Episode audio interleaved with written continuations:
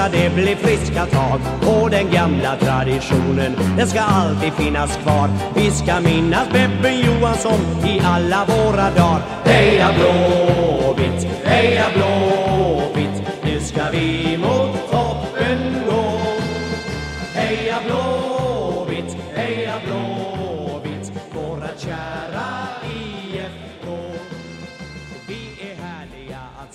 Den 22 mars 1935 föddes Bertil Bebben Johansson. Igår gick han bort efter en kort sjukhusvistelse. Höjdpunkten för mig är Blåvitt. Det har varit hela Blåvitt, sa han. Utöver alla trollkonster bjöd han Blåvitt-publiken på 292 mål under sina 461 matcher.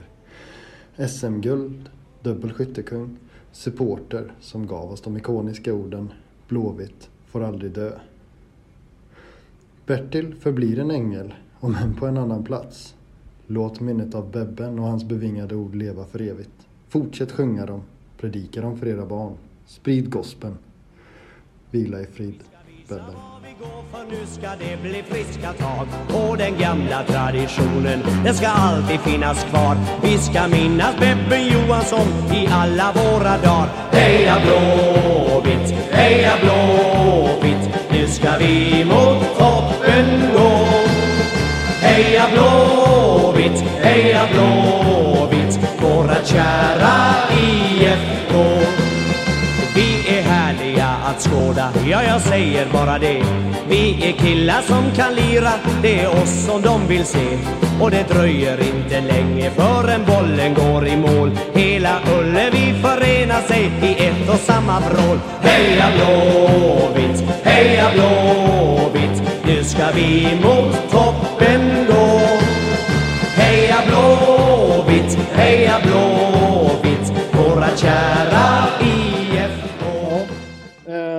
och med det eh, vill jag också säga att mina eller våra tankar antar jag är med eh, hans nära och kära. Ehm, eh, och välkomna till Bara Ben-podden avsnitt nummer 23. Och vi kan väl faktiskt stanna där vid eh, Bebben och, tänker, och välkommen tillbaka Max. Ehm, Eh, hur, har du någon, eller hur, hur ser din relation till uh, Bebben ut? uh, ja, när man hör när man hör allting som sägs om Bebben och läser allting som har sagts om Bebben, alltså uh, I'm not worthy. Så, uh, så känns min relation till Bebben. Jag har ju inte den, ja, vad ska jag säga, det är lite svårt att liksom finna de rätta orden, utan jag, jag tänker inte säga någonting om Bebben som Blåvitt spelare eller vad han egentligen betyder för klubben, utan jag kan bara säga att de gångerna jag har träffat Bertil så har han varit en fantastisk person. Mm. Eh, alltid glad, alltid positiv, liksom eh, två rävar bakom örat hela tiden. Eh, och det är ju liksom snarare liksom Donalds historier som jag har fått till mig under mina år på Blåvitt som liksom eh, berättade för mig om vem Bebben var egentligen. Men eh, en fantastiskt fin person. Eh, jag, jag tänker att det är det jag har rätt att säga om Bertil överhuvudtaget. Mm. Christian?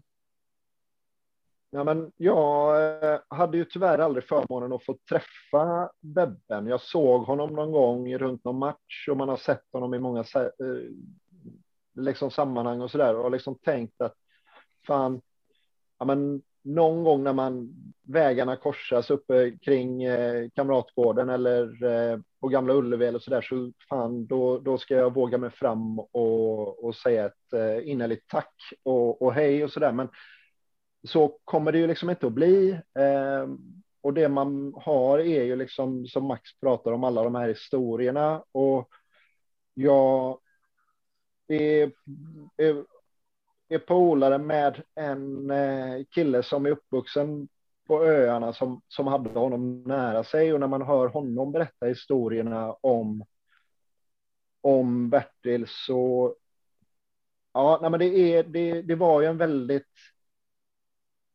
en väldigt speciell man på många sätt, fast väldigt vanlig.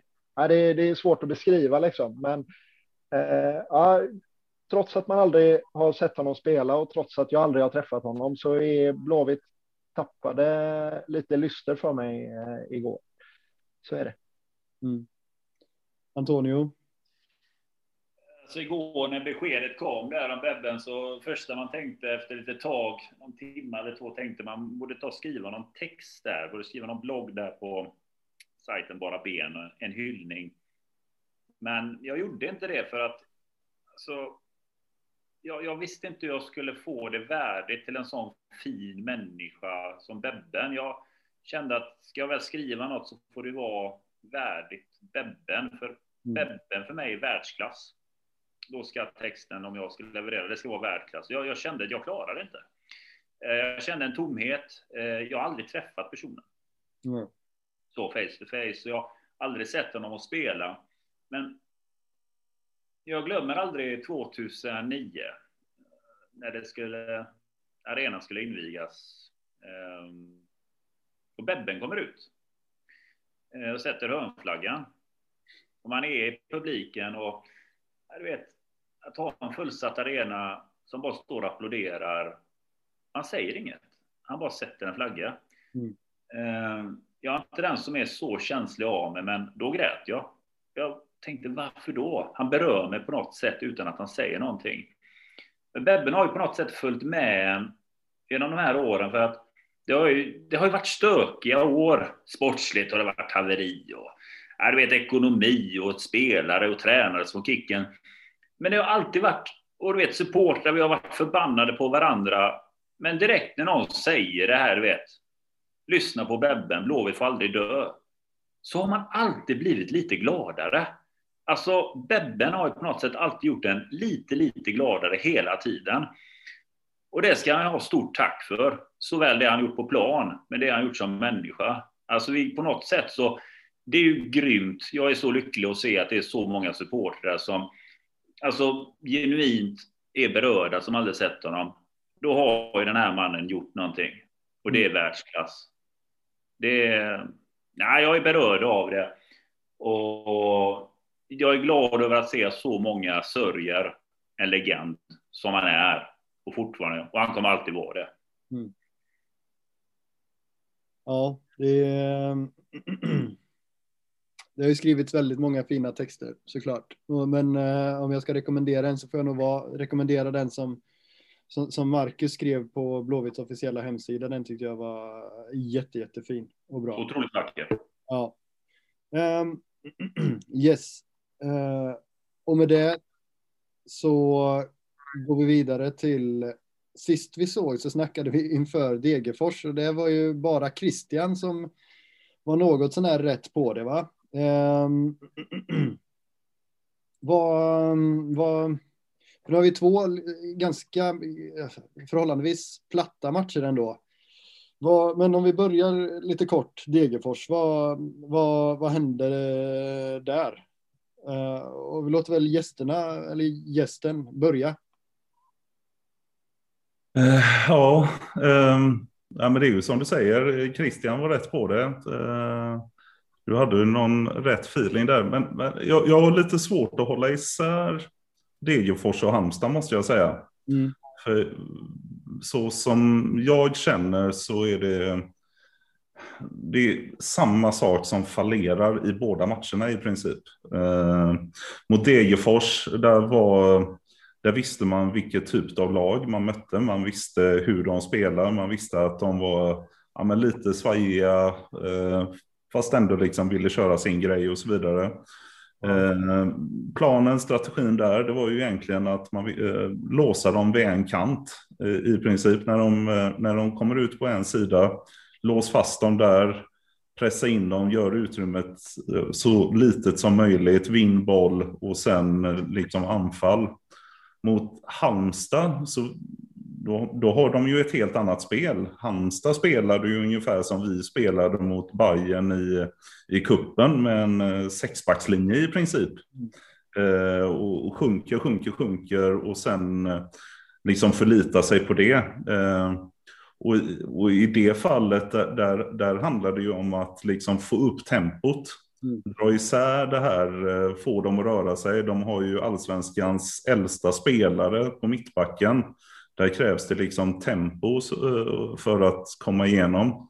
Och i princip så, så, känner jag att det som fallerar i båda matcherna, eh, även om slutforceringen mot Degerfors var bättre eller kraftfullare, om vi säger så, så eh, var det spelet utan boll.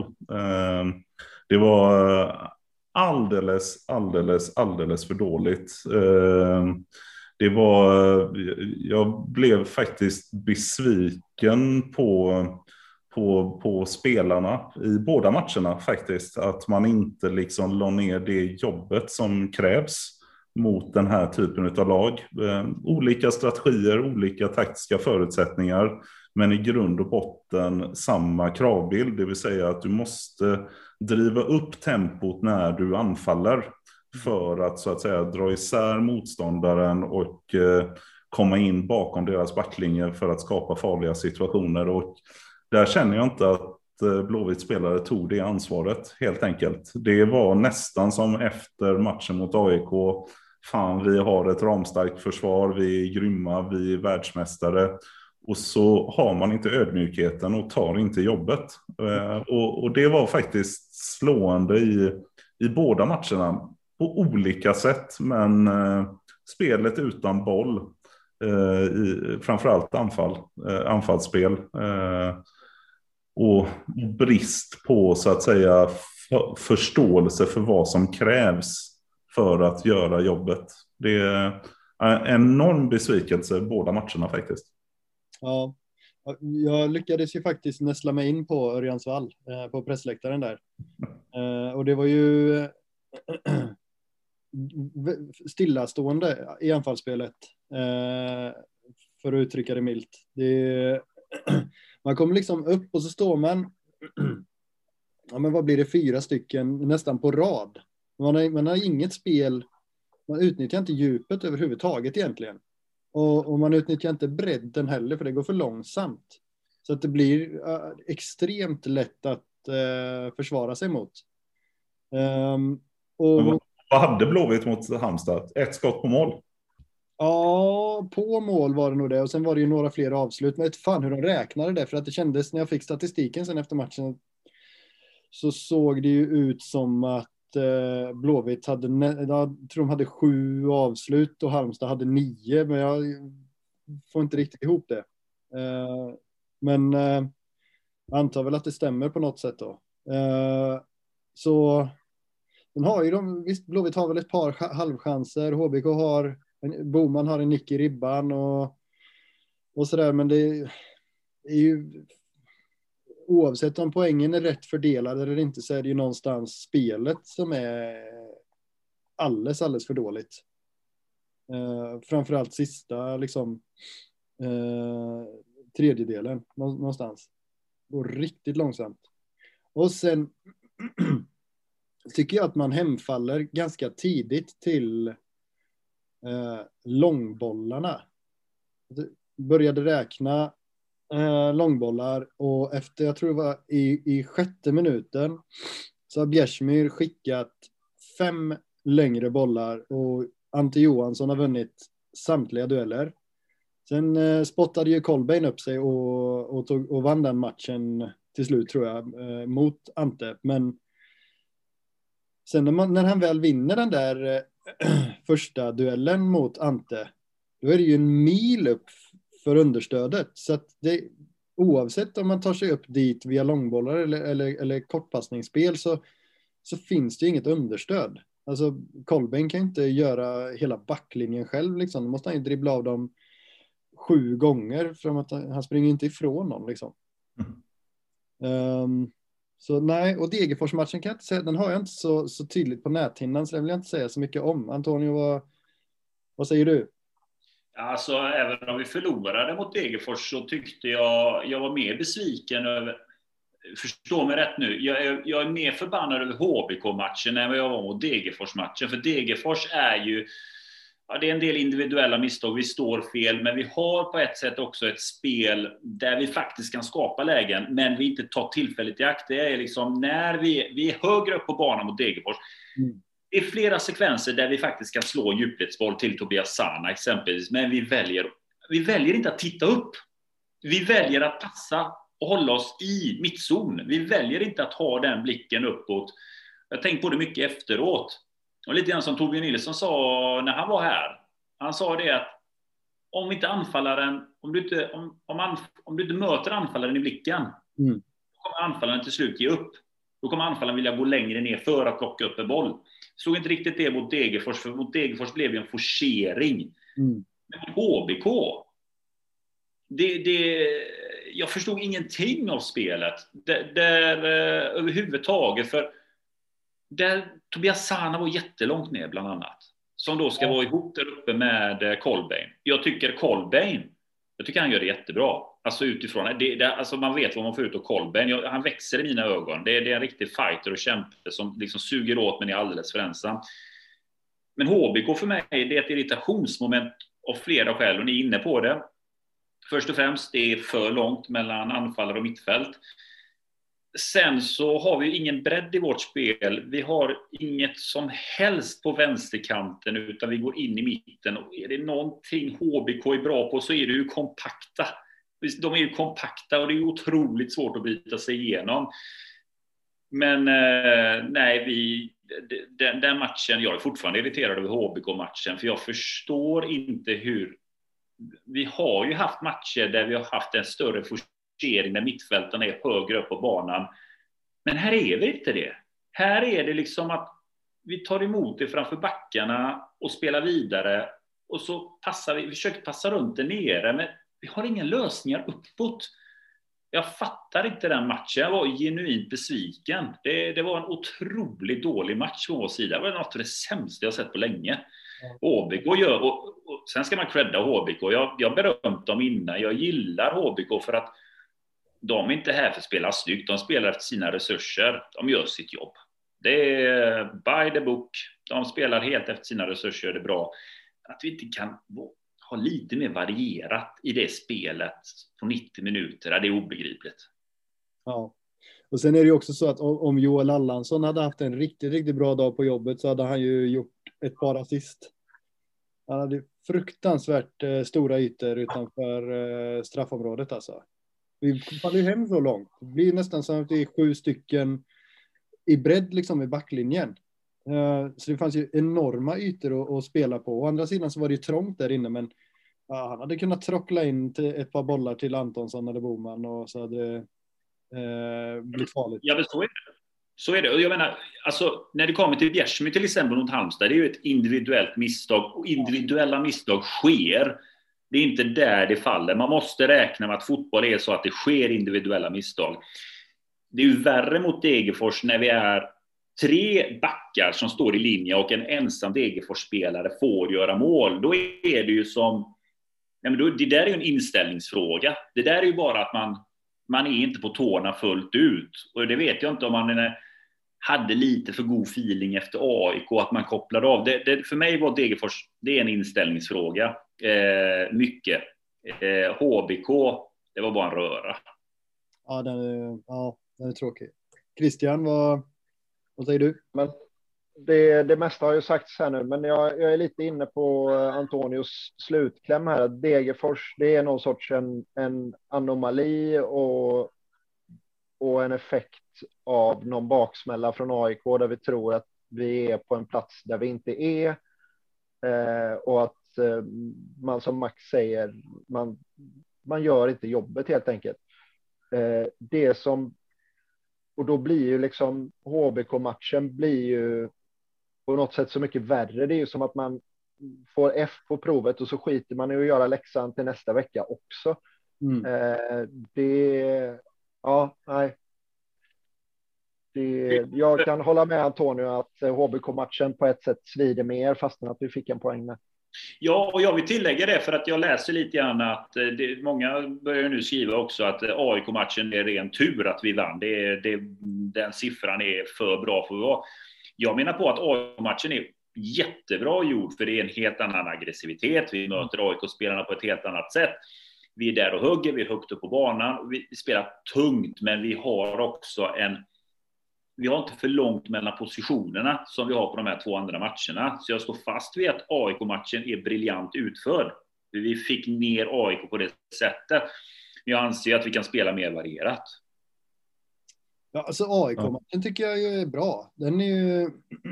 det, spel, det spelar man ju riktigt bra fotboll stundtals också, även om det är mycket, mycket längre bollar i den matchen. Men jag tycker ju, där sätter man ju en lite, en lite enhetligare press. Eh, och, och, man sitter ihop väldigt mycket bättre mellan lagdelarna, både offensivt och defensivt. Så det, är ju en, det är ju en bra insats. Eh, HBK är ju inte en bra insats och, och Degerfors, jag tror kanske att, att spelarna alltid går in liksom och, och, och, gör sitt bästa. Men att ens bästa när man underskattar motståndet är inte samma kvalitet som när man inte underskattar motståndet. Eh, får jag en känsla av. Men, men, men, det där är ju också så här liksom.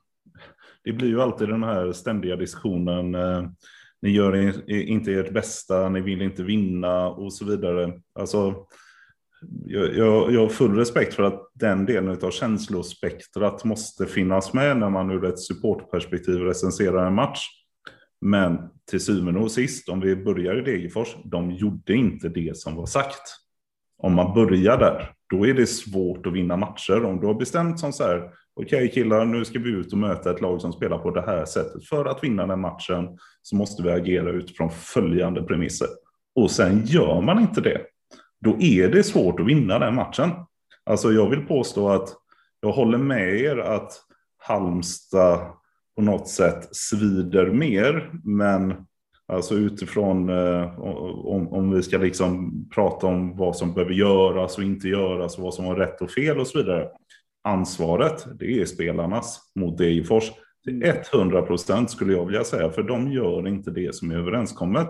De gör inte det tillräckligt bra och sen så glimtar Aiesh till och gör ett jävla pangmål liksom och sen så forcerar man in och så råkar Jakob liksom med sin första touch liksom göra 3-2 och så pressar man liksom och helt plötsligt förstår man att det krävs en kraftansträngning mm. för att vinna en fotbollsmatch i allsvenskan. Man måste ha en kraftansträngning i alla matcher. Och så går man över mot HBK och så känner man så här, jävlar vilken näsbränna vi fick där mot Degerfors för att vi inte jobb, gjorde jobbet. Och så får HBK ett ganska tidigt mål. Mm. Så och helt plötsligt så hemfaller man återigen till att inte göra jobbet. Återigen, gör man inte det som krävs utan boll, med boll. Vi såg ju målet mot HBK. Mm. Liksom Hamsik till Sana, pang. Alltså det är ett jävla klassmål. Verkligen det som görs. Men sen, nej. Eh, Aiesh utgångspunkt, återigen, vi pratade om det i förra avsnittet. Han har en väldigt, väldigt hög utgångspunkt som en wingback. Mm. Vill ha bollen på fötterna, vill ta sin kille. Jallow, Jallow mot HBK, det var en besvikelse. För om ni tänker på vart hans utgångspunkt var så var ju hela liksom, linjen var skiftande. Det var liksom som en diagonal från hörnflagga till hörnflagga. Hans start startade ju nere vid Jeppe i princip. Och sen skulle driva upp istället för att liksom få upp laget. Och sen följde inte mittfältet med. Eh, återigen, man, man tar inte till sig av instruktioner, man gör inte jobbet. Eh, man, eh, man, man, tror att bara för att eh, spelare för spelare så har man en större individuell skicklighet och så löser det sig ändå. Nej, fan, i allsvenskan löser sig ingenting ändå. Kolla på Malmö senare, senast. Jävla vad eh, däng de åkte på. Mm. Återigen, de gjorde inte jobbet. Man måste mm. göra jobbet. Spelarna är skyldiga i, i båda matcherna. Det är min bestämda uppfattning. Ja. Ja, det är intressant det du säger om Jallow, för jag, när jag satt där så tänkte jag, fan spelar han 4-3-3 idag? Vad skumt. Tolinsson högerback då plötsligt, men sen fattade jag att nej, de spelar 3-5-2, bara att Jallow är så fruktansvärt långt ner. Ja, han är helt snett. Ja, och då försöker ju Sana hitta den ytan där ute ibland, men då blir det tunt in i mitten istället eftersom man inte fyller på. Så det blir ju ett helt, eh, det var ju helt Ja. eh, omöjligt att få ihop det liksom. Men det var rörigt. Ja, visst. Och Ja. jävligt rörigt. Ja. ja, jag håller med. Men det var, det var en sån match. Alltså jag kunde inte läsa ut vad fan Blåvitt ville göra på plan den matchen. Det gick inte. Jag har ingen aning. Nej. Man ville ta sig fram i mitten kunde man väl skönja kanske. Ja, knappt det. om man ska vara generös då. Ja, jo, du ja, det är sant. Om man är generös så håller jag med dig. Ehm, sen tyckte jag man spelade ut på Aiesh några gånger, men, men när man märkte att han, han, han får två gubbar på sig, då slutar man spela ut där. Jag menar, han, om han får utmana två, två pers gång efter gång efter gång så det blir ju frisparkar liksom. Mm. Men de det är bra där, HBK. Återigen, de, de spelar efter samma princip som Blåvitt spelade förra året mot eh, Bayern. De dubblade på ytterbackarna. För att liksom, man vet det om Aiesh får övertaget. Då är de rökta, då är det antingen gult kort eller mål. Mm. De plockade honom. Och när Jallow inte hade det initiativet, då, då försvann kanterna överhuvudtaget. Ja. Och, och, och, och, lite liksom, om, om vi ska liksom gå in på system och så vidare. Eh, igår, så, åtminstone jag tittade på en match där, där det gick alldeles utmärkt och dominera en fotbollsmatch med, en, eh, med tre cent- centrala mittbackar. När Chelsea liksom eh, mosade sig vidare till Champions League-final. Men där hade de ju bakom då deras nia så hade de ju två stycken, eh, alltså om motsvarande Sana och Hamsik till exempel, som var ganska högt uppe i plan och som jobbade från central position ut mot kanterna. Mm. Där, där får du en helt annan tyngd i det pressspelet. I det som eh, Blåvitt uppvisade mot både Degerfors och HBK. Där sjönk man ju ner i ett klassiskt jäkla Catanaccio-försvar med fem backar. Mm. Och när du väl vann boll så hade du, jag menar Chelsea har Timo Werner, han gör väl en åtta blank på 100 meter eller någonting. Kolbäng gör inte det. Nej. Så du kan inte dra isär ett motståndarförsvar utan då måste du pricka Kolbäng. Mm. Och där dubblar de också, honom också så att mm, det, det finns mycket att säga om de två matcherna. En del är säkert jag, sk jag skulle säga att mot HBK var det säkert fler taktiska misstag eh, mot Degerfors. Men sammantaget, så återigen, jag återkommer till det. Du måste göra jobbet utan boll mot den typen av lag. Annars kommer du fan ingen vart. Nej. Men vad säger vi då? För Rolle får ju fortsatt eh, kritik och, och nu kanske det börjar närma sig ett läge där man ändå har underpresterat. Alltså kryss mot ÖSK, torsk mot Degerfors och kryss mot Halmstad. Jag menar det, det, det är ju inte kanske bra nog.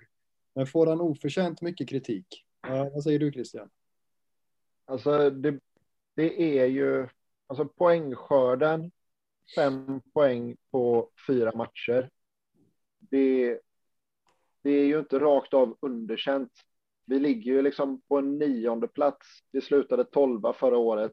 Det, slutar vi på en åttonde plats så, så är det ju inte så att eh, Rolle ska få sparken för det. Liksom. Problemet är ju Problemet är ju hur vi gör det och mot vilka motståndare vi tappar poängen. Mm. Ehm, det, så jag, och, och det är fyra matcher. Mm. Det, jag tycker det är lite tidigt. Jag, jag tycker tonläget är lite för högt. Sen så är det helt rimligt att det börjar knorras. Men eh, ja, det... Jag, jag, jag är så jag är, är, skeptisk och börjar bli lite orolig. Men eh, det, ja, högaffeln står kvar i eh, förrådet fortfarande. Men vad, vad är du skeptisk till? Alltså, visst, det är spelarna eh, och spelarnas eh, oförmåga, eller att de inte gör det som är sagt. Mm. Men det är ju Rolles uppgift att få dem att göra det som är sagt. Det är någonstans, eh, det är han som är chef. Liksom. Mm. Och, och ja, som sagt, det, det, det, får han inte runt det här, de här matcherna som är kvar här nu fram till EM, då, då behöver man ju börja fundera liksom. Jag, jag, så, så tänker jag liksom. Att, eh, Eh, men jag, jag, är, jag köper eh, Max analys helt klart. Att jag tycker inte att det är något taktiskt jättemisstag. Jag tycker inte att vi saknar något grundspel som det fortfarande pratas om. Jag tycker inte att det är det som är det stora problemet. Eh, problemet är att vi tappar poängen mot fel gäng. Det är där vi ska ta poängen. Och ska man kritisera roller för någonting så är det ju att det är hans uppgift att få spelarna att göra det de ska. Liksom. Mm. Gör de inte det två matcher i rad, då visst, det ligger på dem, men det ligger lite på honom också. Ja. Antonio? Ja, så hade, varit, eh, hade man varit i Balkan här nu så hade han ju fått ryka illa kvickt. Men så är det ju inte. Vi är ju inte, vi är inte i Balkan och vi är inte i Grekland heller. Då hade vi bytt tränare två gånger. Nej, alltså grejen, grejen är den, ska vi titta på poängskörden, det är fyra matcher. Då är, då är det shit. Alltså, jag menar, Malmö till exempel, man kan ju bara dra. de är inte många poäng efter oss. Det som oroar mig är spelet, absolut. Eh, Örebro, viss del. Jag, tyck, jag säger som så här, kort summering av säsongen. Tycker första halvlek mot Örebro är briljant. Eh, briljant, nu tar jag i. Nu är det Skapin som talar. Den är bra. Eh, andra halvlek är bedrövlig. Eh, men vi tar poängen. AIK är bra. Degerfors och Halmstad har vi diskuterat. Eh, jag tycker vi har material. Vi har ett bättre material. Vi har duktiga, namnkunniga spelare. Jag är inne på Christians spel här alltså. Vi måste ju få spelarna att göra jobbet här nu. Alltså så jävla svårt är det inte. Eh, ser det ut så här, som så här fram till EM på samma sätt? Att det liksom är bristerna i det offensiva, speciellt där att det, vi får inte till överhuvudtaget. Då måste man ju ställa sig frågan internt. Vad är det som har skett? Varför gör inte spelarna jobbet? Lyssnar de inte på tränaren? Är det att man inte vill lyssna på tränaren, man går sin egna väg? Någonting är det som är fel i det spelet. Det behöver vi se, speciellt om fyra matcher fram. Är jag orolig? Absolut, sett till hur spelet har sett ut de senaste gångerna. Jag tycker att det har varit sådana att man inte slår djupledsbollen, att man drar de enkla lösningarna. Det ska man inte behöva göra med det här materialet. Jag menar, vi ska inte rabbla upp hans namn för mycket, men har man en sån som Hamsik till exempel, fan det är kvalitet på plan. Det är allsvenskan. Vi ska kunna prestera bättre. Det är bra spelare vi har i laget. Bättre kvalitet måste vi få ut. Spelarna måste höja sig. Om de inte gör det, då måste man ju fråga sig varför då? Funkar det inte med tränaren? Eller vad är det frågan om egentligen? Ja, det, ja det. men du föddes orolig å andra sidan? Va? Alltid. Ja. Han föddes på Balkan framför allt, tänker jag. Absolut. Ja. Han, Rolle varit, hade varit i Balkan så hade det varit liksom medalj. Herregud vad lång tjänst du har haft. Ja, ja. Ja, det är det klart. Men, men, men, men så här är det väl också lite grann att uh, jag, jag, jag, tänker mycket som så här att om man tittar på vad, vad Rolle säger att han vill göra och vad han uppenbarligen liksom uh, fokuserar på eller, jag läste, var det GP eller någonstans där han uttalade sig lite slarvigt om allsvenskan och, eller om anfallsspelet. Och fick, ja, fria tyglar. Ja, det lät, lite, lät ju lite korpen över det hela om man ska vara ärlig. Det, det, kanske inte är hans uh, finest hour i uh, mediasammanhang, men om man liksom kokar ner det någonstans så är det ju faktiskt så här, du kan faktiskt vinna matcher genom att spela ett bra försvarsspel. Det, det, det, finns ju otaliga exempel på det. Jag menar, om vi liksom drar det till yttersta världsklassen, i, när Pep var i eh, Barcelona, då hade de 3 till 5 sekunder på sig att återerövra bollen i sitt pressspel när de var som allra bäst. Och det låg till grunden till anfallsspelet. Ja, men ta City-matchen är en sån. Ja. Den är en sån. Ja, precis. Det är försvarsspelet som gjorde att de går till final. Ja, exakt. Och, och återigen Chelsea, eh, och hur, hur de tog sig till eh, final när de bara käkar upp Real Madrid med en defensiv inom citationstecken uppställning. Alltså, jag, jag tycker lite liksom så här att man kan ha några så principiella invändningar mot ett spelsystem bara för att du råkar spela med tre mittbackar, utan det är ju snarare vad gör du av det? Och möjligtvis, möjligtvis kan jag känna lite grann nu, liksom fyra matcher in på säsongen, att Rodde kanske fegar lite med balansen på mittfältet. Mm. När han nu har spelat med Agge som lite utav ett ankare. Och sen låtit då eh, ja, Hasse köra sin kanter-variant där och liksom rumla runt och täcka och springa och så vidare. Och så hade han Hamsik bredvid då. Alltså jag hade nog föredragit att man hade kanske spelat med lite mer offensiva utgångspositioner på mittfältsspelarna framförallt för att just komma upp i banan för att ha Eh, en, en eh, högre möjlighet vid återerövring att vara fler spelare på en offensiv tredjedel. Men när du gör det så som vi gjorde mot AIK, där pressspelet och försvarsspelet satt som en jävla smäck, men när du gör det, då måste ju nästa steg, när du väl har återerövrat bollen, då krävs det faktiskt att du tar löpningar utan boll, att du visar dig, att du drar isär motståndaren, att du ger alternativ. Och där känner jag lite grann så här att om, om, om Rolle skulle möjligtvis förändra någonting i det och kanske balansera eh, mittfältet framförallt något, något mer offensivt, då skulle han också skicka ut en signal till de spelarna, precis som du nämner där. Jag menar Hamsik, det, jag menar det är ju ingen eh, det är ju ingen liksom Stig Töfting på något vis, va? utan jag menar han, han, han har ju fler mål och, eh, än Maradona i Serie A och han har liksom assist från helvetet. Jag menar, yes. då passningsfot där och jag menar om du har Agge eller och eller Hasse som på något sätt kan balansera det här.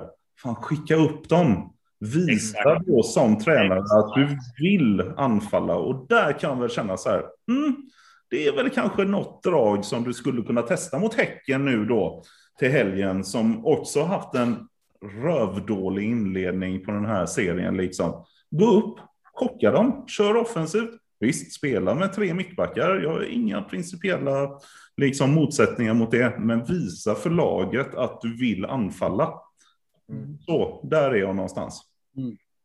Jag delar helt det där. Det är helt jävla rätt analys och det är det jag stör mig på. Det var precis så det var andra halvlek mot Örebro, som jag vill säga som var den sämre, när vi har våra centrala mittfältare precis framför backarna. Vi kommer ingen vart. Vi har haft det flera men när vi inte har det, när vi kommer högre upp med våra mittfältare, helt annan dynamik, det är helt annan press och vi har helt andra möjligheter att dra runt bollen och vara ytterligare högre upp. Marek Hamsik, ska vi få ut något av honom så är det det spelet som behövs. Marek Hamsik blev inte stor genom att vara en balansspelare. Marek Hamsik blev stor genom att offensivt spel, om han inte tog bollen först så var han där på andra bollen. Antingen gjorde han målet eller fördelade bollen. Det var det han briljerade med i Napoli inte att vara framför Bjärsmyr och starta igång ett spel. Vilket han gör jävligt bra, men vi nyttjar honom inte rätt. Han har ju ingen att slå bollen till framförallt. Det blir ju svårt då. Visst. Ja, till Sana då, den gången. Men Sana vill ju också vara med och starta upp spelen där nere. Det ska han inte göra om han är anfallare. Är du anfallare är du där uppe. Vad fan ska han i mittfältet göra? Men där är det för att de inte får några bollar. Då går du ner. Då möter, får du inga bollar, då börjar du jaga boll längre ner på banan. Fast problemet där blir ju att då tar ju Sana liksom 30 procent av Hamsiks bollar egentligen. Ja. Och, och, och, sätter igång anfall. Men så, så Hamsik har ju inte hunnit flytta upp. Det, det kanske ligger på, på Hamsik då att han inte eh, tar Sanas yta eller så. Men jag menar, det blir bara, då har man två spelfördelare som i princip står och trampar på samma yta och det finns inte så jävla många att spela på. Men de behöver inte vara spelfördelare, alltså det är inga liksom registas liksom eh, de två ska vara, utan om du, om du har bestämt dig att du ska spela med Colbain där uppe, vad får Colbain för understöd? Vi pratade om det tidigare också, att med Colbain så får du en annan närvaro i den sista tredjedelen i, i boxen och, och så vidare, men han behöver ju folk runt omkring sig. Och jag menar om man tittar återigen tillbaka till materialet. Jag är ju inte någon av dem som tror att Blåvitt kommer ta SM-guld i år. Det, det, det, och det säger jag ju enbart i förhållande till konkurrensen. Men däremot så tror jag inte liksom att, att Blåvitt ska liksom harva runt en tionde plats utan någonstans mellan fyra och åtta ish någonstans. Men skitsamma. Om du har Kolbeinn längst upp, sen kommer Berg som kommer ha den eh, rollen. Då har du alltså så här, Marek, du har Sana, du har Tern, du har Hasse, du har Agge. Du har alltså fem spelare som du ska liksom fördela ut där på en tre platser någonstans. Och där handlar det ju egentligen bara att välja de spelarna utifrån hur motståndet ser ut. Som ligger högre upp, brev, liksom närmare Colbain. Ja. Låt säga i senaste matchen mot HBK, ponera att du hade spelat med Sana och Hamsik precis bakom Colbain som hade rört sig från centrum och ut mot kanterna i pressen snarare än tvärtom. Och så hade Agge kunnat ligga där som ett eh, ankare liksom och fiskat någonstans. Jag, jag är ju fortfarande kvar i att man hade fått liksom ett helt annan tryck, ett annat tryck och snabbare spel i sista tredjedel. Men det krävs att man springer utan boll. Jag kommer tillbaka till det. det är, vi kan prata uppställningar i alla år. Men gör du inte jobbet och löper du inte utan boll, då spelar det fan ingen roll om du har Hamsik eller liksom De Bruyne. Nej, men, nej, och sen så behövs ju faktiskt inte, Agge behöver egentligen ingen hjälp där nere, för han är så, han är så trygg i det positionsspelet och, och han får så, och han och backlinjen hjälper varandra ganska bra där. Och Agge behöver ju inte heller någon, någon, någon som startar upp anfallen, för det är ju inte hans eh, främsta förtjänster kanske, men för det finns ju både Jesper och Sebastian med två ganska skapliga passningsfötter ändå, så att Agge behöver ju inte ha en, eh, en mittfältare att hålla i handen. Det blir ju bara resurslöseri ju. Men då, han, kan ha, han kan ha Hasse bredvid sig. Jo. Mm. Jag menar att Agge och Hasse kommer ju liksom tillsammans stoppa och förstöra all typ av anfallsspel i den centrala delen av planen. Mm. Och sen om du har en offensiv trea med Kolbein längst upp och så två bakom Kolbein. Sen om det är Tobbe och Hamsik eller Tern om han är frisk. För jag menar, då, då, då, har du folk som kan göra någonting med bollen, men då krävs det också av Jallow och då krävs det av Hossam att de tar sina löpningar från kanten och in mellan ytterback och innerback så att bollarna kan komma. Och ganska tidigt också. Kolla återigen, jag kommer tillbaka till det. Fan, jag är så jävla frälst i Tuchel nu liksom. Mm. Rakt, enkelt. Alltså, det var inte överdrivet många passningar i sidled i den matchen kan man säga. Liksom. Utan det var liksom den raka bollen från backlinjen genom eh, Real Madrids press. Och jag menar, herregud, har du tre stycken där nere, du, du ska kunna liksom hitta den vägen. Ja. Det, det, tycker jag verkligen. Mm. Ja, men jag, jag, tycker väl i och för sig inte det finns något fel i, i den längre sidledspassningen. Alltså om man tänker eh, en lyra från kant till kant, det kan ju vara effektivt. Men de, det, det, det är inte många sådana som slås under en match. Jag tror inte skojar det. Nej, och, och det som jag, jag tror jag skrev, eller jag vet inte, jag kanske inte skrev det på Twitter till slut, men det, det går ju snabbare liksom att och, och, och, vända ett lastfartyg än vad det gör för Blåvitt att vända spel. Liksom. Mm. Det tar enormt lång tid att gå från höger till vänster. Fast egentligen ska det bara vara en passning. För den kan ju både Hossam och Jalla och slå liksom. Ja. Men... Um... Men det bygger ju på att någon på andra kanten tar löpningen. Jo. Jo. För de, för de här korta sidledspassningarna som man hänger sig åt i ganska hög utsträckning ändå. Det är ju bara en, en potentiell, ett poten, alltså en potentiell eh, kontring för motståndaren. Det är livsfarligt att hålla på med sidledspassningar när det blir så trångt. Då kommer vi igen till det som Max säger, att den som är utan boll ska röra sig i ytor som gör sig tillgängliga och inte stå still och vänta på att de ska få en passning. För det blir ju bara att det rullas runt, rullas runt, men ingen tar djupet och sticker. Vi hade det lite mot Degerfors. HBK var det ingen som gjorde någonting utan man var stillastående. Ja, men då blir det inget spel. Jag tror Kolbeinn tog en djupledslöpning och då fick han ju faktiskt en boll i djupet av uh, Sebban. Återigen, Kolbeinn gör sitt jobb, jag tycker det. Ja, men Kol Kolbeinn gör sitt jobb. Men, men, men om man återgår till eh, grundfrågan där, eh, tålamodet med roller på något vis. Mm. Eh, jag, jag, jag, kan väl känna som så här. Jag, jag skulle nog kräva av Rolle att han visar eh, lite mer att han eh, redan liksom i grunduppställningen, i grundtaktiken, att visst, vi har ett stabilt försvar och det är kanske därifrån vi bygger på grund av vårt pressspel och våra omställningar, men att han också visar då med eh, spelarna på plan och deras utgångspositioner att han vill komma fram. För att då sänder han ändå den signalen till spelarna. Mm. Det, det, upplevde jag inte i varken Degerfors eller Halmstad, utan då, då var det snarare ett stabilt 5-3-2 än eh, ett agilt 3-5-2 för den delen, eller 3-4-3 eller vad man nu vill ha. Blir det inte ofta så, då, bara för att tillägga där, jag menar, Rolle är ju en eh, tränare som sätter defensiven i grund. Blir det inte oftast en risk med den typen av tränare? Jag ser oftast det att när det havererar defensivt, som det gjorde mot Degerfors, eh, för en tränare nu, oavsett om det är roller eller annat, som har defensiven i grund, då är det ju att till nästa match så är det verkligen en uppläxning att defensiven måste sitta. För defensiven var ju inte bedrövlig mot HBK, det måste vi ju konstatera. Det var ju en misstag av Bjärsmyr. Jag menar, sen efteråt så var den ändå ganska okej. Okay jag blir lite här oftast att en tränare lägger sån fokus på defensiva att nästa match måste vi sätta det rätt. Att då kan, då blir det, kan det bli att det offensiva blir lidande. Blir det inte ofta att det kan bli bakslag, att nu måste vi skärpa oss i defensiven, men så glömmer man bort. Spelarna glömmer bort det offensiva, för vi måste fokusera på det så att inte samma misstag uppstår mot Degerfors. Och det är därför man blir så låg menar du, eller? Yes. Ja. Det, det, är inte rollefenomen, det är ett typiskt fenomen när det har blivit ett defensivt haveri, att matchen efter blir att vi måste säkra det som vi gjorde fel först. Ja, så blir det helt fel liksom. Ja. I det offensiva.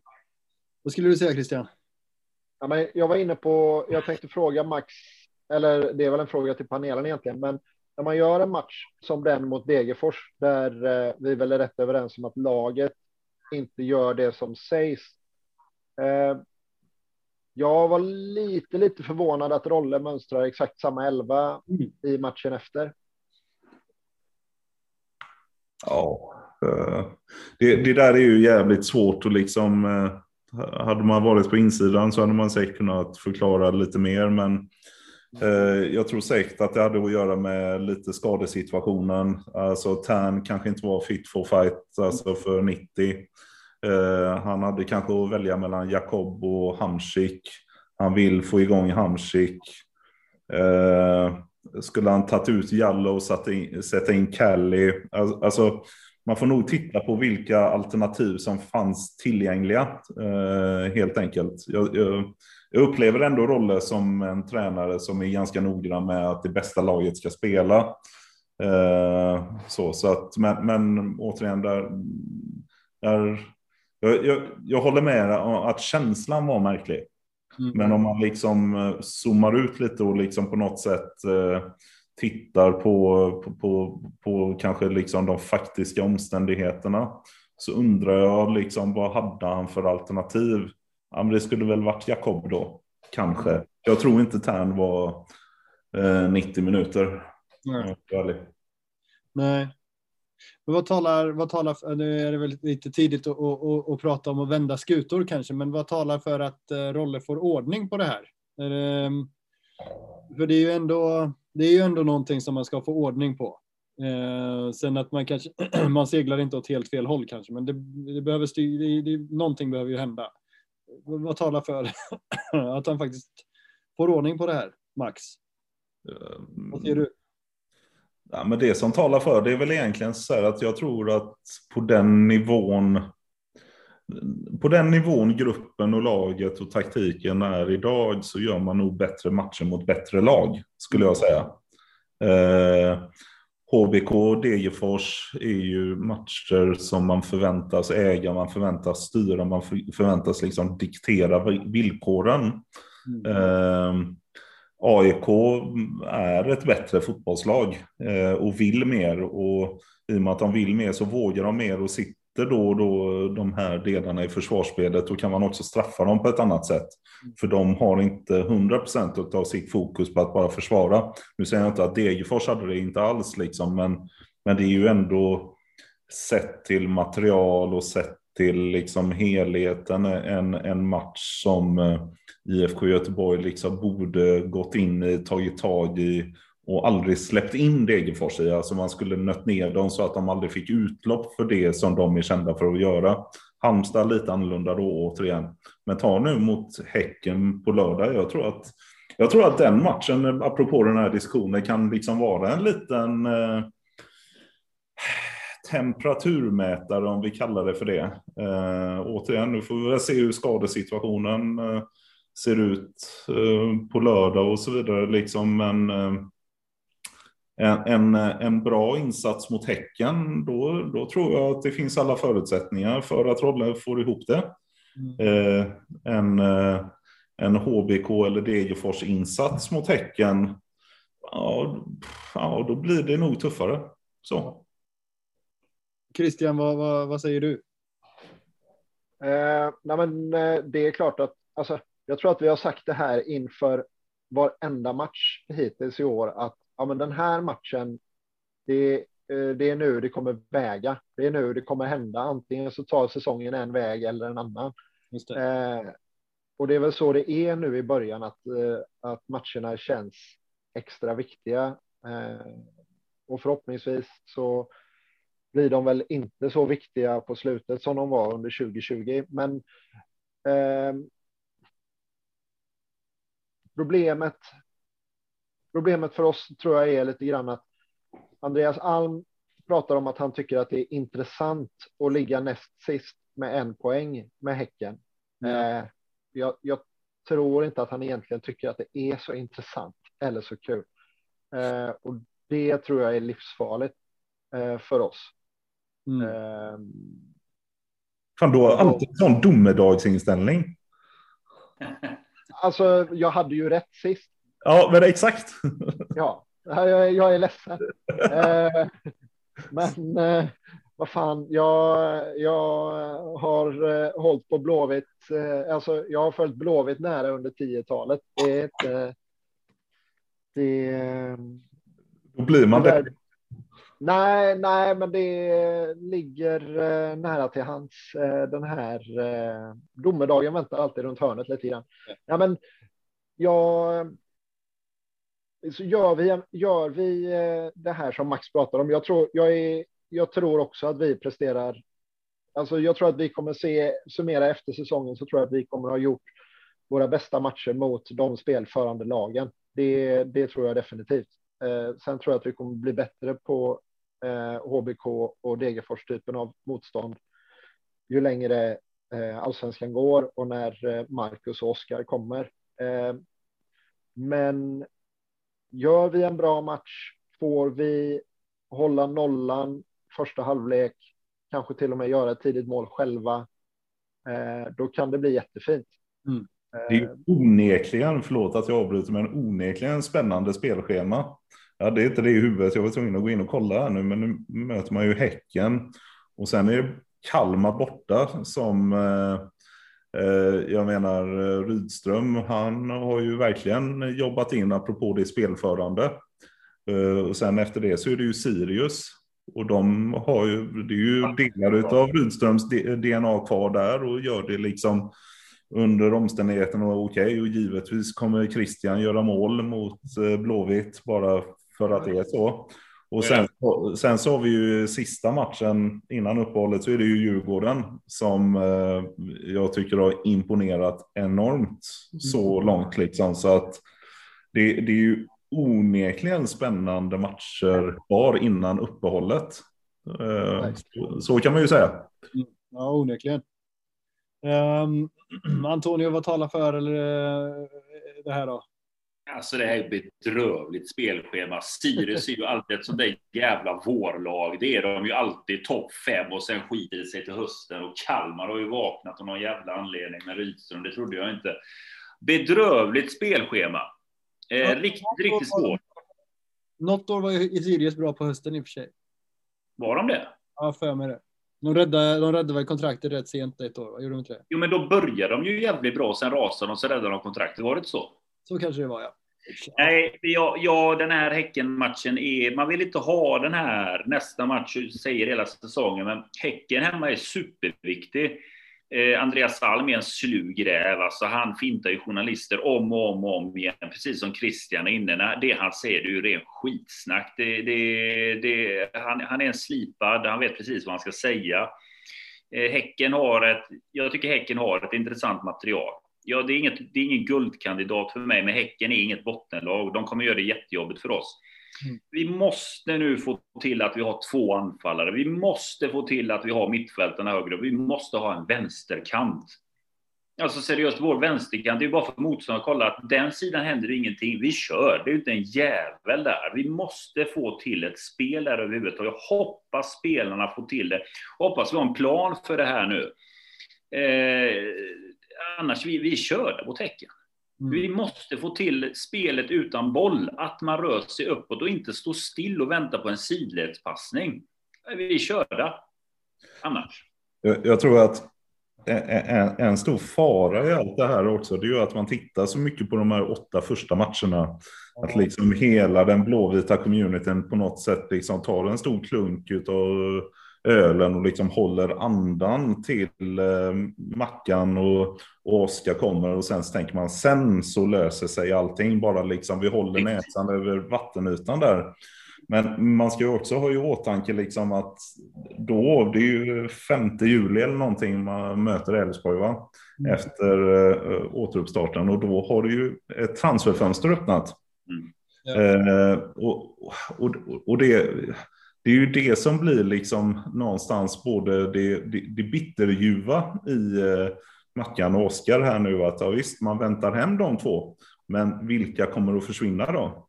Ja. Alltså, vi, vi såg ju väl bara nu i veckan att Jallow var het på marknaden och vi vet hur Hamsiks kontrakt ser ut. Och, ja, det finns ju andras kontrakt som ser lite speciella ut också. Jag tror ju inte att, att det blir som så här att det, den truppen som Blåvitt kommer spela höstsäsong med är liksom den nuvarande truppen plus Mackan och Oskar. Utan det kommer nog bli lite rotation där och återigen då blir det rotation ja, då tar det ett tag igen. Det, jag menar, Mackan och Oskar, de kommer ju inte liksom, även om det är fantastiska spelare och ödmjuka killar och så vidare, det tar inte en träning på KG och komma in och liksom lobba in tre mot Djurgården. Så är det bara. Så är det. Säger Christian.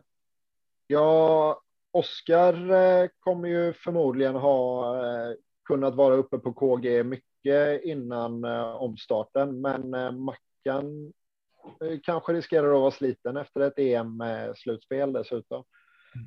Eh, men jag, jag, kan inte låta bli att nappa på att det finns fler som har spännande kontrakt uppe på KG. Vad menar du där Max? Nej, nej men vadå, vet ju liksom att det finns spelare som har utgående kontrakt. Eh, Agge har inte långt kvar på sitt och så vidare. Eh, jag menar, eh, Hasse är ju en, en, spelare som alltid är i blickfånget om man säger så, även om Ja, det känns ju hemskt att säga liksom, men, men hans bäst före-datum för en Benjamin Nygren-försäljning har ju försvunnit. Mm. Eh, I och med Brexit så finns det ju en problematik där också att han inte har ett EU-pass. Eh, så det, det, kommer ju inte vara en 50 miljoners eller 40 miljoners försäljning någonstans. Eh, utan jag tror, om man ska vara liksom krass, eh, de klubbarna som kommer jaga Hasse, det är franska, det är belgiska, det är holländska klubbar och då vet man att det är någonstans 10-15 miljoner.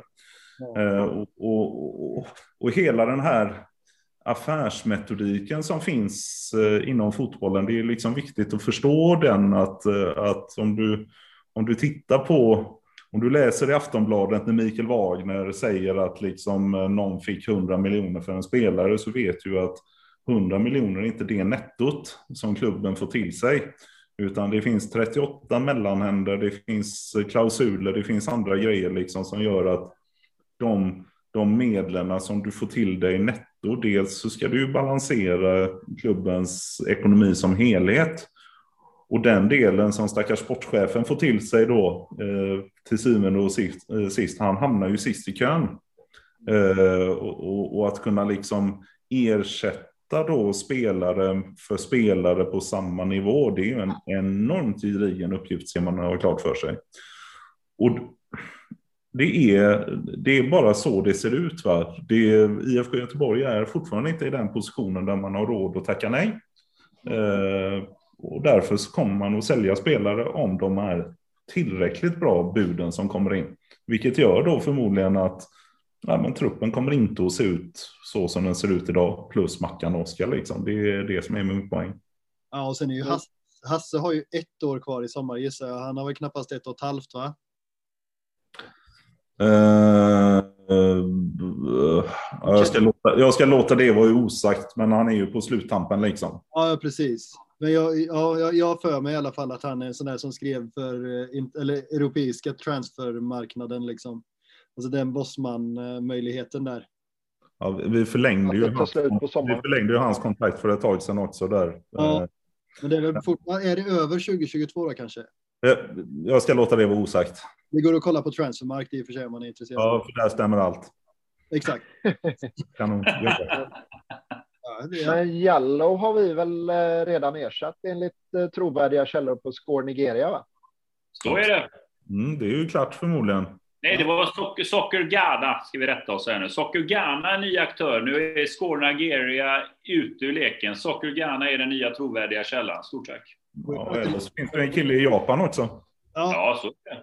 Skor Nigeria går inte att lita på tyvärr. Men Socker Ghana litar jag på. Till 100 procent. Ja. Låt oss inte hamna i någon typ av kolonialistisk eh, transferdiskussion här. Nej, det, men det är ju sådana här eh, suspekta Twitter-konton va?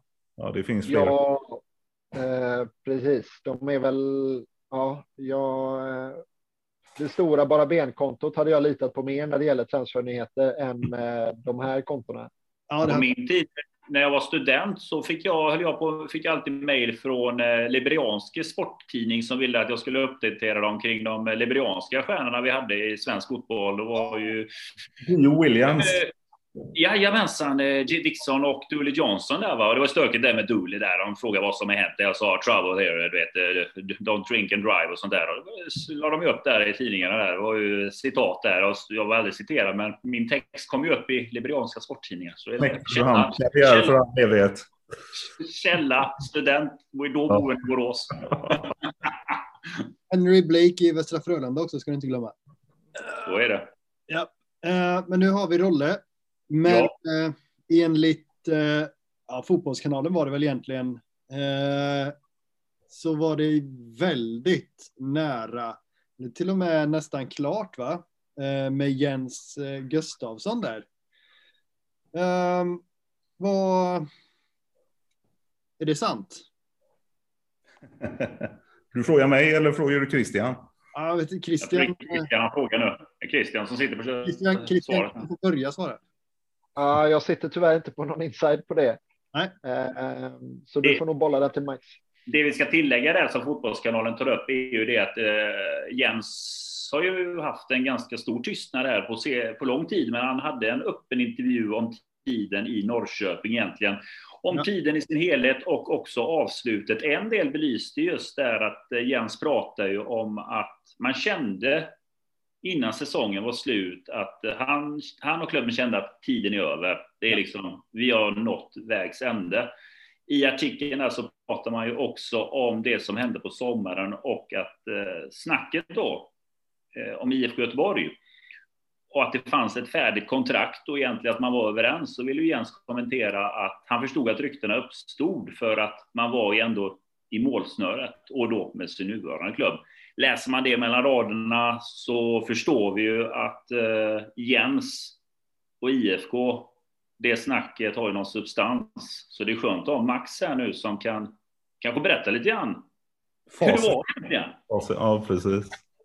Nej, men eh, generellt sett så brukar jag väl aldrig liksom eh, kommentera enskilda varken spelare eller någonting sånt. Jag tänker väl inte göra det egentligen, men, men eh, Jens är ju duktig på att prata. Va? Så att, eh, men jag tänker om vi får nästan backa bandet lite grann där, så eh, om ni tillåter så har jag en lite längre utläggning. Mm. Och då, och då, är det väl egentligen så här, precis, vi pratade ju lite i förra avsnittet om liksom poja och, och Eh, förtroende och när, när, när man går skilda vägar och så vidare. Så om man backar bandet till den perioden där när, när eh, vi beslöt att man behövde byta ut Poja så var ju det vid ett landslagsuppehåll. Det var ju ganska, även om det var ett av väldigt få uppehåll förra året så var det ju ändå ett uppehåll. Och det gav väl lite respit liksom tidsmässigt eh, att, att hitta en ersättare helt enkelt. Men jag tänkte bara liksom berätta då om hur, hur man jobbar vid det läget. Och då finns det ju någonting som kallas för fotbollsrådet helt enkelt. Mm. och, och den, den tjänsteman som har det yttersta ansvaret liksom för den här typen av frågor, det är ju självklart sportchefen, för han sitter ju på den sportsliga kompetensen. Men då har ju, vid det laget har vi beställt att eh, för olika frågor så bildar man olika typer av forum där eh, styrelsen ska liksom agera ja, med, med stöttning, med kravställande, med frågor och så vidare. Och så vidare. Och i sportrådet då så eh, där sitter Pontus som sportchef, där sitter jag som klubbdirektör och sitter Engström som ordförande och Jonas Henriksson då som den i styrelsen då som har så att säga det den sportsliga kompetensen om man uttrycker det så. Och, och då har man lite olika roller bara så att man är klar, klar över det. Eh, eh, Pontus är ju den som ska liksom driva det kvalitativa arbetet. Eh, och i det här läget, där, där var ju Pontus relativt ny också, för Kenneth hade ju backat hem eh, där också. Och då bestämde han, då, då hjälps vi åt helt enkelt, där, eh, där Pontus så att säga drev frågan om eh, vilken kravbild man kan ha liksom utifrån ett kvalitativt perspektiv på en eh, ny tränare. Medan jag hade det ekonomiska ansvaret, det vill säga liksom, vad har vi råd med i princip om vi liksom gör det lite enkelt. Och då, och, och då, är det liksom bara viktigt att komma ihåg att det här sköts ju som vilken annan rekrytering som helst som ni har varit med om på era företag eller vart ni nu har varit eh, involverade. Att du, du, du, du på något sätt bestämmer vad är det vi behöver? Vad är det för tjänst som ska tillsättas? Vad är det för kvalifikationer som krävs? Eh, och den första frågan som vi ställde oss där, det är ju, ska vi liksom ha en interimslösning, det vill säga från eh, från idag till i slutet av säsongen eh, för att jobba vidare med en mer långsiktig lösning när säsongen är klar? Eller ska vi liksom försöka hitta en, en tränare som eh, passar nu och för en längre tid framöver? Och ganska snart där så blev det ju tydligt liksom att eh, det var den vägen vi ville gå, det vill säga med en mer långsiktig lösning. För vi alla var nog överens om att varken marknad, alltså tillgången på marknaden om vi kallar det för det, liksom, eller, eh, eller de, det vi upplevde liksom att truppen behövde där och då skulle liksom må bra ut av en tillfällig lösning. Så då, då, var det, då var det check på första liksom, biten där och sen så målade Pontus upp liksom, vad är det för typ av kompetenser vi, vi behöver och, och relativt snart så skapar man en bruttolista liksom, av intressanta namn, helt klart.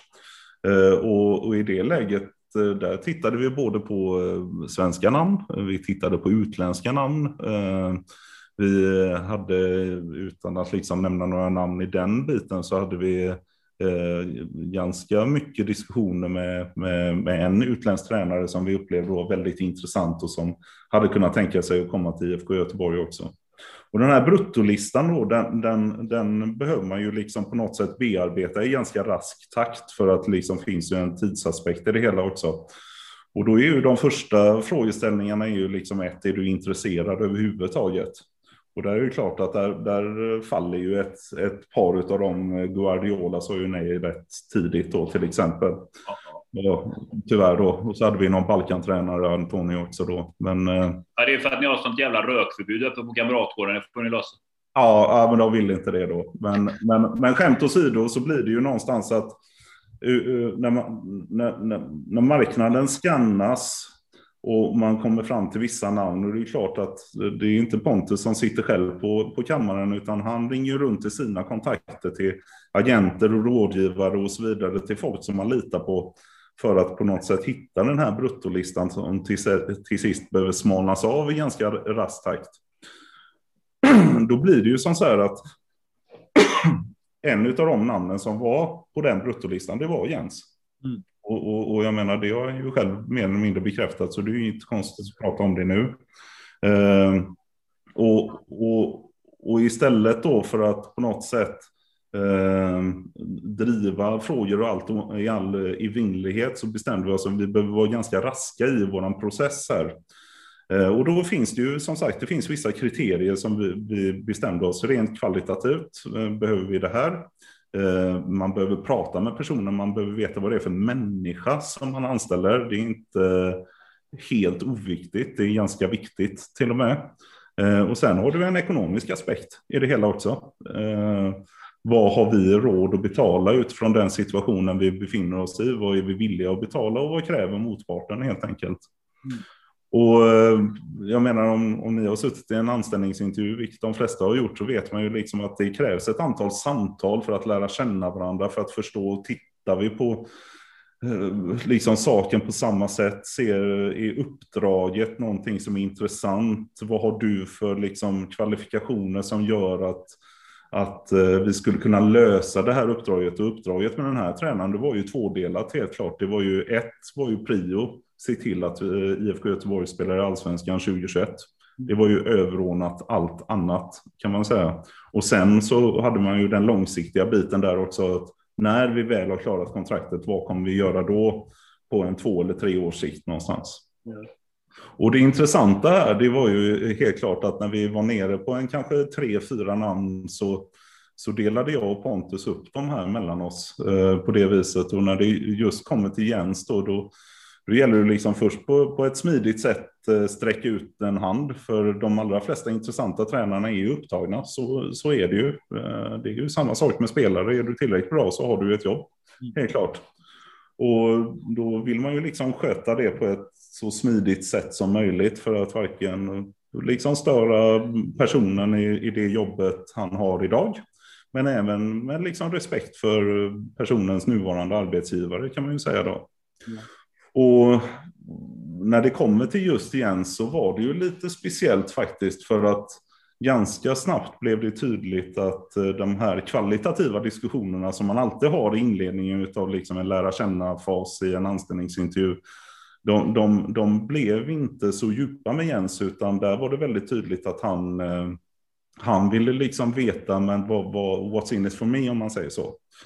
Och eh, i det då så blev det ju en ganska tidig diskussion med hans rådgivare då, för det fanns ju också en komplikation med i situationen runt Jens. Så det var ju det som hade skett tidigare samma sommar, eh, det vill säga att AIK sparkade Rickard Nordling. Mm. Och eh, då kom det ju till vår kännedom eh, på lite omvägar att, att AIK hade ju erbjudit ett kontrakt till Jens. Yeah. Där, där vi fick liksom på olika sätt och vis reda på ganska mycket av detaljerna i det här kontraktet. Och när Jens då valde att skjuta över diskussionen till sin rådgivare i ett ganska tidigt skede eh, så var ju dealen mellan mig och Pontus att Pontus pratar fotboll och jag pratar ekonomi. Så att jag fick ju ta diskussionen med den här rådgivaren då och eh, då kan man väl säga så här att det kvalitativa det han inte Pontus checka av.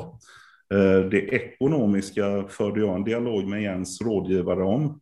Eh, för om vi skulle kommit i mål där så skulle det ju krävas en diskussion med Peter Hunt också, ska man ju komma ihåg, för att så att säga köpa loss Jens från hans kontrakt med Norrköping. Och det, det var ju egentligen där det strandade med AIK-diskussionen. Hur långt kontrakt hade han kvar med Norrköping? Eh, det, det vågar inte jag svara på just nu, utan det, det, det var väl något år eller någonting sånt så, så att, men, men eh, man kan väl säga så här att Jens och Peter Hunt var väl inte de bästa vänner efter att han hade meddelat att eh, AIK var intressant. Mm. Så den summan då som Hunt krävde till AIK, det gjorde ju att den affären gick i stöpet då kan man ju säga. Men sen förutom det så tar man ju precis som i alla andra rekryteringsfas, man tar ju referenser. Och där, eh, där, det var ju Pontus del då att okej, okay, då, då kan vi inte liksom prata fotboll direkt med Jens, utan vi får prata ekonomi med hans rådgivare, vilket jag gjorde. Och sen var det upp till Pontus att ta referenser. Eh, och, där, och den här processen, den, det, man ska komma ihåg att det, det, allting skedde väldigt, väldigt fort också.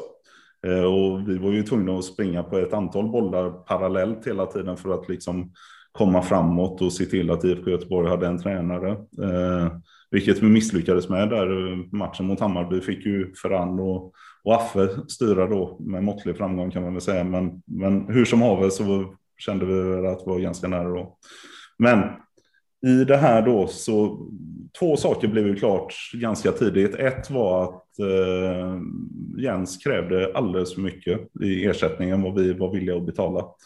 Eh, och det, det var någonting som vi var väldigt eniga om i Sportrådet, att vi har en budget, det, den ska följas, för det var ju vårt rättesnöre under tre års tid, att ekonomin, den får inte liksom på något sätt, eh, ja, den får inte äventyras helt enkelt. Och eh, om jag säger att Jens låg 100% fel så överdriver jag inte liksom i, i det.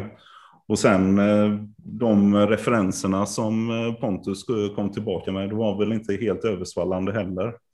Och sen så var det ju en tredje komplicerande situation där också. Det var ju faktiskt det här att i och med att vi mm, fick ganska tidig kännedom om att hans detaljer från AIK-diskussionen hade läckt så märkte vi också att våra diskussioner läckte ut också eh, i olika typer av ja, sammanhang. Och, och, och, och, allt det här sammantaget var, blev ju då liksom att ett, vi hade en kandidat till jobbet då som eh, krävde för mycket, som inte hade de eh, vitsorden som vi kanske letade efter, plus att det eh, Eh, på något sätt eh, fanns ett läckage då, eh, vilket vi var extremt tydliga med att det, det, det är inte så vi vill jobba.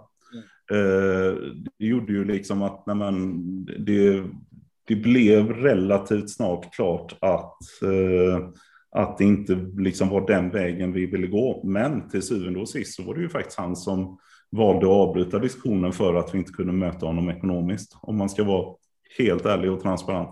Därmed inte sagt att han hade fått jobbet ändå. Eh, för i, eh, återigen, man måste komma ihåg att det här är en, liksom en anställningsprocess som alla med arbetet på något sätt har gått igenom. Där eh, vårt uppdrag var att liksom hitta kandidater som vi kunde matcha mot varandra, som på något sätt ställde upp på den kravbilden som vi hade, som hade en förmåga att uppfylla det på både kort och på lång sikt och som hade kunnat acceptera eh, en ekonomisk ersättning som vi var villiga att betala. Liksom. Sen vilka de andra var, det, det, det behöver vi liksom inte gå in på här och det är fullt möjligt att eh, att eh, ja, det hade slutat på ett eller annat sätt. Men, men återigen, en anställning är en otroligt viktig del oavsett om du är fotbollstränare eller medarbetare på ett företag. Det ska liksom klicka in på väldigt många parametrar. Och eh, efter många diskussioner och framförallt de sportsliga skulle jag säga då så eh, var ju Pontus rekommendation att vi skulle gå för Rolle. Så det är inte alls säkert att det hade blivit Jens ändå i slutändan. En fråga där, eh, det är, det är som sagt bara många parametrar. Ni hade ju med andra ord, ni kom ju inte till det läget att ni skulle förhandla med Peter Hunt i det här fallet. Eh, vad, alltså den spontana känslan är ju att även om ni hade landat i en överenskommelse i det här fallet med Jens och det, vi ser, och vi säger det känns ju rätt, men hade verkligen Peter släppt honom? Alltså om du, om du, om du får säga din, min spontana känsla är att Peter Hunt hade krävt en bra summa. En alltså, summa. Peter Hunt är ju affärsman liksom och man kan tycka vad man vill om vad han har gjort eller hur han har gjort saker i Norrköping, men han kan ju ta betalt. Mm. Eh, om, om vi jämför den diskussionen som vi hade med Håkan Sjöstrand när vi eh, när vi på, eh, liksom eh, tog dialogen om eh, Rolles vara eller icke vara så kan man väl säga att Håkan var väldigt ödmjuk och hade en stor förståelse för både Blåvitts situation och Rolles situation och var extremt tillmötesgående för att han ville alla parters bästa.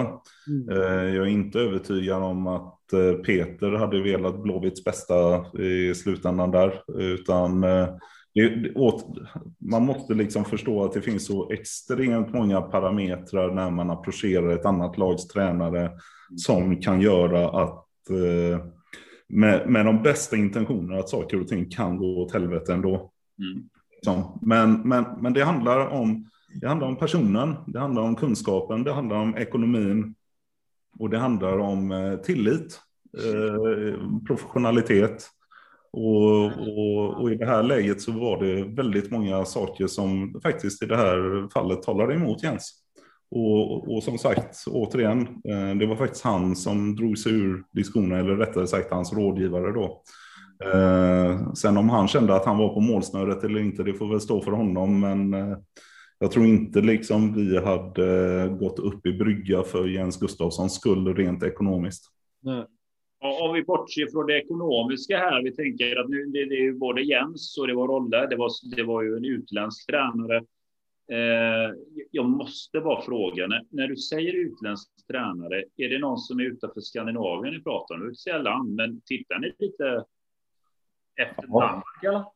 Ja, ja, ja eh, nej men alltså på bruttolistan eh, så fanns det eh, då fanns det ja, namn utanför Skandinavien. Så är det. Och sen, sen är det liksom. Det ska handla om att det funkar i så många avseenden. Alltså, det är ju samma sak med en utländsk spelare som har familj, de har barn. Det är inte bara liksom spelaren eller tränaren det ska funka för, utan eh, frugan ska ha ett jobb, de ska ha ett hus, barnen ska gå i en bra skola etc. etc.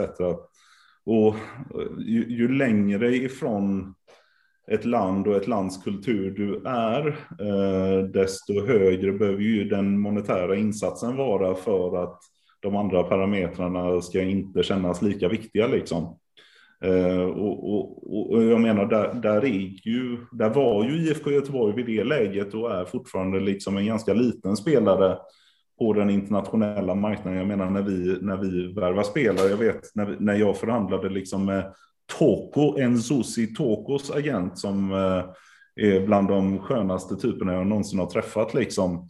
När, när, han ville att jag skulle komma med ett bud liksom rent ekonomiskt, vad, vad kan Toko tjäna här?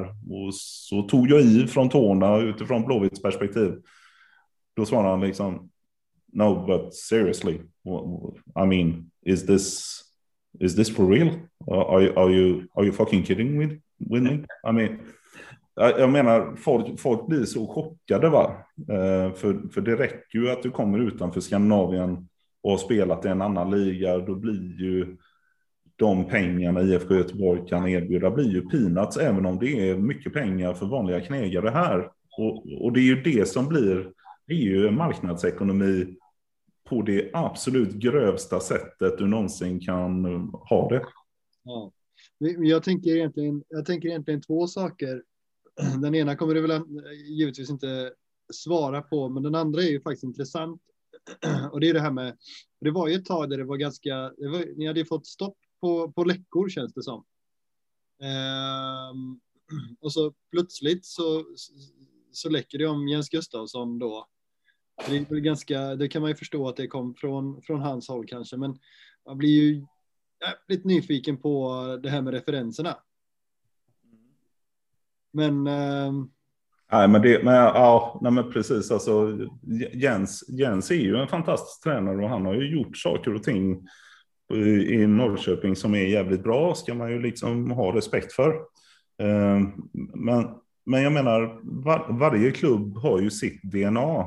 Mm. Eh, på det här det är ju samma, alltså, man, man behöver liksom inte överanalysera fotbollsvärlden så jävla mycket egentligen, utan det är som när du vill byta ett jobb. Mm. Du, du, du, du kommer in till ett ställe där du liksom upplever att nej, men platsannonsen var, nej, men det här var ju sjukt spännande, det passar ju mina, vad jag kan och, och lönen verkar ju bra och så vidare. Så kommer du in där och så får du liksom en jävligt dålig vibb utav företagskulturen. För alla ställen har sin kultur. De har någonting som omgärdar organisationen och det, det ska man inte sticka under stol med i, i Blåvitt att i vissa fall så är ju det en enorm fördel. Eh, jag menar när jag pratade med Lasse Wiber, det var ju inte jättemycket diskussion om lön och sign-on och så vidare, för han vet ju vad Blåvitt är, han trivs i Blåvitt, han förstår Göteborg, han jag menar, han är ju blåvitt på ett sätt. Liksom, men, men återigen, liksom, när du ska förklara det här för en Zuzi Toko då, å andra sidan, då, då har han ju liksom, ja, ja, men det var ju de som var i Champions League och vann Uefa-cupen och så vidare. Eh, och den hade väl en tränare som hette Sven-Göran Eriksson. Så här, vad Blåvitt gör idag, det har ju inte de någon en susning om. Och är det en spelare då som som är kanske liksom i en, i en fas i sin karriär där eh, det här trycket som att spela i IFK Göteborg inte är positivt. Mm. eh, då blir ju det en avskräckande effekt och då är man ju inte rätt för IFK Göteborg heller. Så jag menar, det, det, det, återigen, man, man, kan teoretisera så sjukt mycket runt liksom både spelarövergångar och tränarövergångar och så vidare. Men, men om du liksom trattar ner det så är det ganska liknande parametrar som, Eh, som du kan liksom applicera på ett normalt arbetsliv. Det är bara att det är ett jävligt onormalt arbete. Då måste jag fråga, jag tänker nu när man gör den här sista arbetsintervjun, eh, nu vet jag inte, fungerar det som så med tränare att eh, kandidaten här får frågan, ja, vad, skulle, vad kan du tillföra? Vi säger nu hypotetiskt. Frågan är, vad kan du göra för IFK Göteborg? Och nu sitter Roland Nilsson där. Då. Vad var det som han sa? Ekonomin och allting sitter. Vad var det han sa, Max, som du kände, eller som ni kände att that's our guy? Vad var det han sa? Som var det här lilla pricken över i? Ja, alltså, jag, jag, jag, kan faktiskt inte exakt svara på det för att eh, det var ju Pontus som hade de allra flesta diskussionerna med Rolle. Och, och Rolle, eh, vi kände ju Rolle från U21 liksom, där vi hade väldigt många spelare och han hade ju varit uppe på Kamratgården och jag vet att eh, både Kenneth och Pontus hade ju pratat väldigt gott om Rolle redan innan så att säga hela situationen med Poja uppstod på något sätt då. Eh, och, och, sen, så, sen så var jag med på ett möte där, där eh, ja, egentligen jag satt som åhörare när Pontus och Rolle diskuterade kan man väl säga. Eh, så jag, jag är väl svårt att liksom sätta fingret på att det liksom var en enskild sak, utan återigen så är det ju en, det är ju en helhetsbedömning. Du, du får om du har tio kriterier, eh, oavsett om du anställer en fotbollstränare eller någon som ska rengöra bilar, du får aldrig någon som har de tio. Utan eh, du, du, kanske har någon som har sju, eller åtta, eller möjligtvis nio, men det är alltid någonting som du känner så här, men det här kan vi leva med. Mm. Eh, för det är inte direkt motverkande eller direkt dåligt på något vis. Och, och jag menar, Rolle är ju en väldigt likable person. Han har ett väldigt gediget CV och han presterade väl i U21 och liksom de av våra spelare som var i U21 eh, tyckte liksom att han, eh, ja, men han gör bra saker liksom. Och sen så finns det liksom eh, mängder med bitar på en högre fotbollsteoretisk nivå än vad jag kan förklara. Där Pontus liksom kände att nej, vi jackar i varandra bra på ett liksom, fotbollsplan. Eh, så, men, men återigen, alla har sina fördelar och nackdelar. Rolle hade det definitivt och har det fortfarande och alla andra, Jens bland dem, liksom, ja, har det också. Så du, du får aldrig en 10 utav 10 utan någonstans måste du liksom acceptera att folk har sina styrkor och svagheter. Men om svagheterna är av en sådan karaktär att du kan arbeta med dem. Mm. Eller om du har andra delar i organisationer som på något sätt uppväger det, då blir ju den sammanvägda bedömningen att den kandidaten liksom är ja, bättre än någon annan. Ja. Jag bara tänkte på, du nämnde Lasse Wibe där, blev ni, blev ni förvånade när han ville flytta hem? Att han inte utnyttjade optionen? Uh, det blev ja. ja, nej men alltså hela historien med Lasse Eh, det var ju återigen, det känns som att jag bara har jobbat på Blåvitt när det har varit jävligt stökigt liksom. Men eh, första kontakten togs, som jag hade med Lasse var ju egentligen i, i något typ av mellanrum där eh, efter att Gren hade lämnat och Jonas Olsson kom in. Ja. där vi var väldigt liksom överens med Jonas liksom att nej, det här, han, han gör liksom, han drar sitt strå åt stacken tillsammans med Hjalmar och Hannes och ställer upp under en jävligt stökig period, men vi måste hitta en permanent lösning. Och då eh, var det egentligen att ringa, apropå referenser, att ringa Lasse på en referens på en eh, på ett danskt alternativ till sportchef eh, som vi hade på tapeten vid det läget. Eh, och där, där började väl liksom min relation med Lasse överhuvudtaget. Alla, alla hade pratat så väldigt gott om honom. Och då börjar man ju liksom en, känna hur läget och bla bla bla och så här i situationen. Och och så pratar man om vad man ska prata om och sen slänger man ut sig någonstans i slutet. Ja, jag fattar att du är i Kina, men om du någon gång eventuellt skulle kunna tänka dig att flytta hem så fan hör av dig liksom.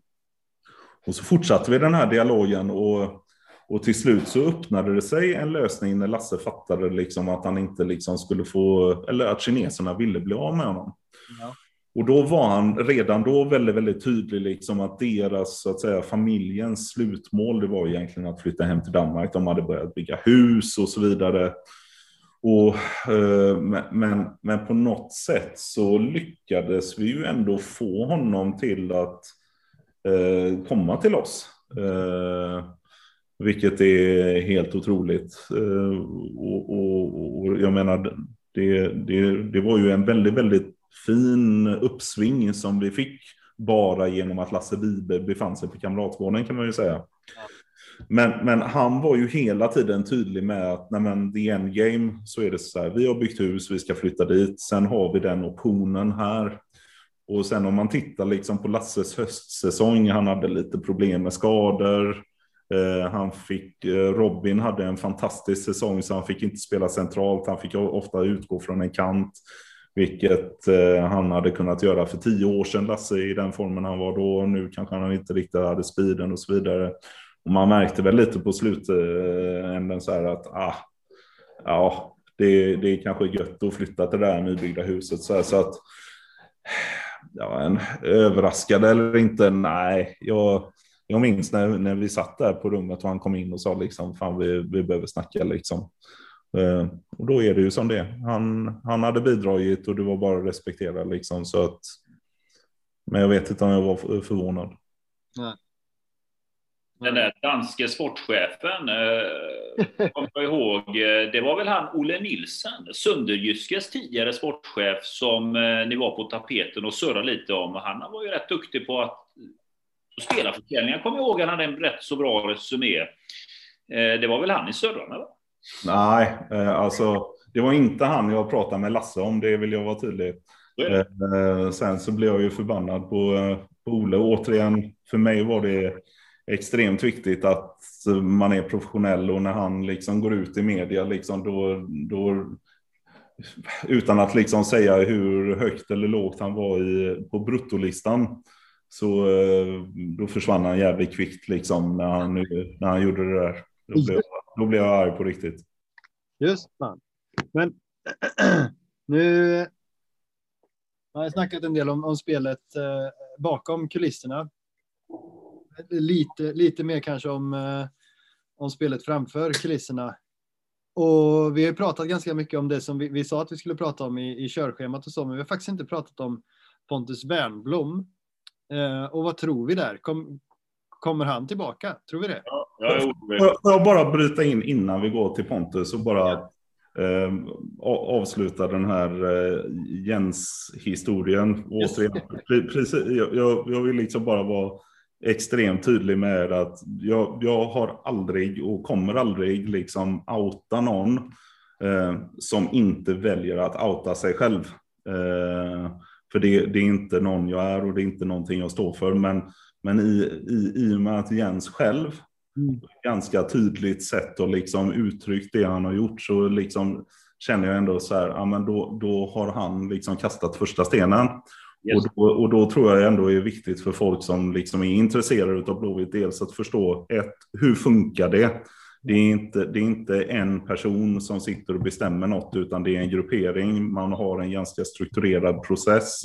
Och att inte liksom överanalysera liksom eh, orsak eller inte till att den ena eller den andra liksom blev anställd, utan om ni tänker er en vanlig anställningsprocess så är det, det på samma sätt man anställer en tränare liksom. Och i det här fallet så till syvende och sist så var det faktiskt Jens genom då sin rådgivare som själv backade utan att med det sagt eh, liksom säga att nej, han hade fått jobbet före Rolle, för det är ju inte heller säkert. Sen om han var en av tre eller fyra som vi liksom pratade med, det må vara hänt.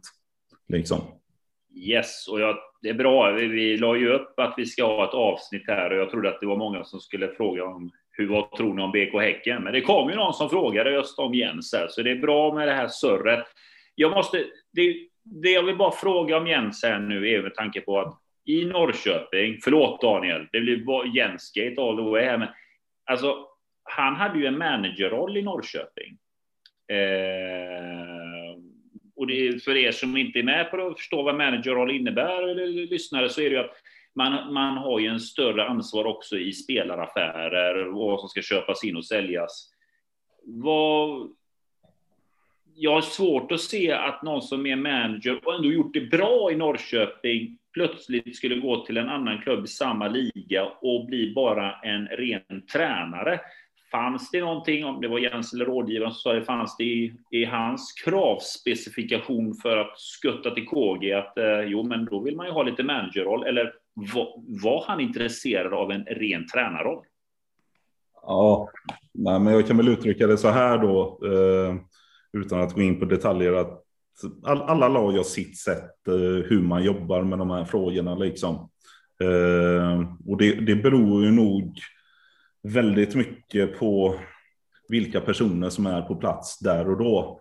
Eh, det, det, finns vissa lag som har en ganska liksom strukturerad syn att i den här klubben så då jobbar vi på det här sättet. Sen om det är med manager eller med tränare eller med sportchef, det, det är vad det är liksom. Men, men, men i vårt fall så är det ju ändå som så här att vi vi har ju alltid haft en väldig närhet till eh, tränaren i, eh, i den typen av frågor. Jag menar Kenneth eller Pontus för den delen skulle ju liksom aldrig värva en spelare som till exempel Poja inte ville ha. Va?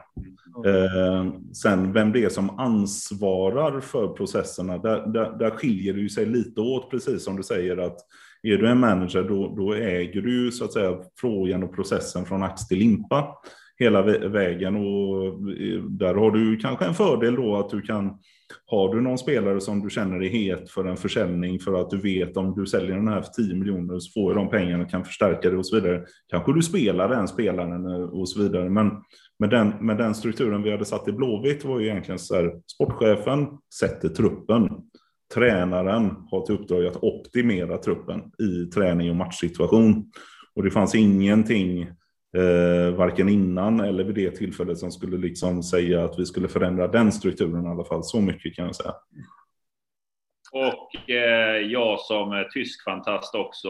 Kan du inte bara säga när ni har haft tränare, kan du nämna ett land utanför Skandinavien som ni hade en kandidat? Då är vi inte ens nära att nämna något namn. I alla fall den berömda bruttolistan. USA. Ja, oj. Oh. Beerhalter. Eh, eller vad heter det?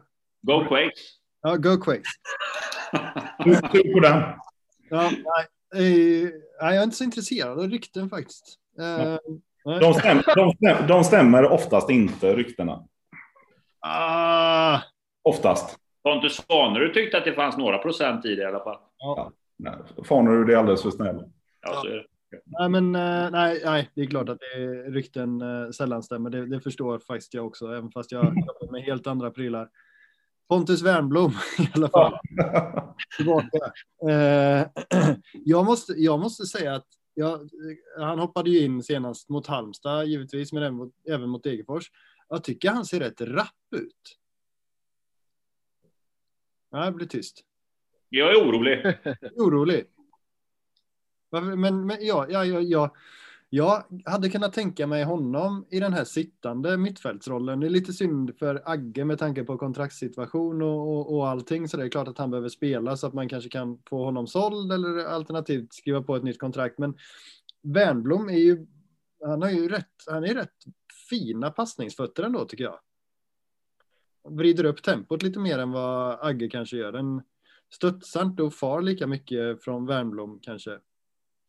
Men alltså han lider så jävla mycket av underlagen när det skiftar. Han har ju själv sagt det till mig. Han får så jävla ont när det skiftar. Alltså vi måste, jag vet inte om vi måste bestämma oss att han ska hålla sig till ett underlag. Jag träffade honom, Max, eh, på en kupp här i höstas. Jag frågade liksom, är du med? Han sa det. Så just när vi skiftar, en match gräs, en match konstgräs. Alltså jag har så jävla ont. Ja. Och det verkar hålla i sig. Men är det inte så att vi lite har haft lyxen av att ge Pontus en eh, extremt lång försäsong här efter alla sina skador. Eh, nu när vi har ett överflöd av innermittfältare, vilket vi förmodligen inte kommer ha efter EM-uppehållet. Då. Just det.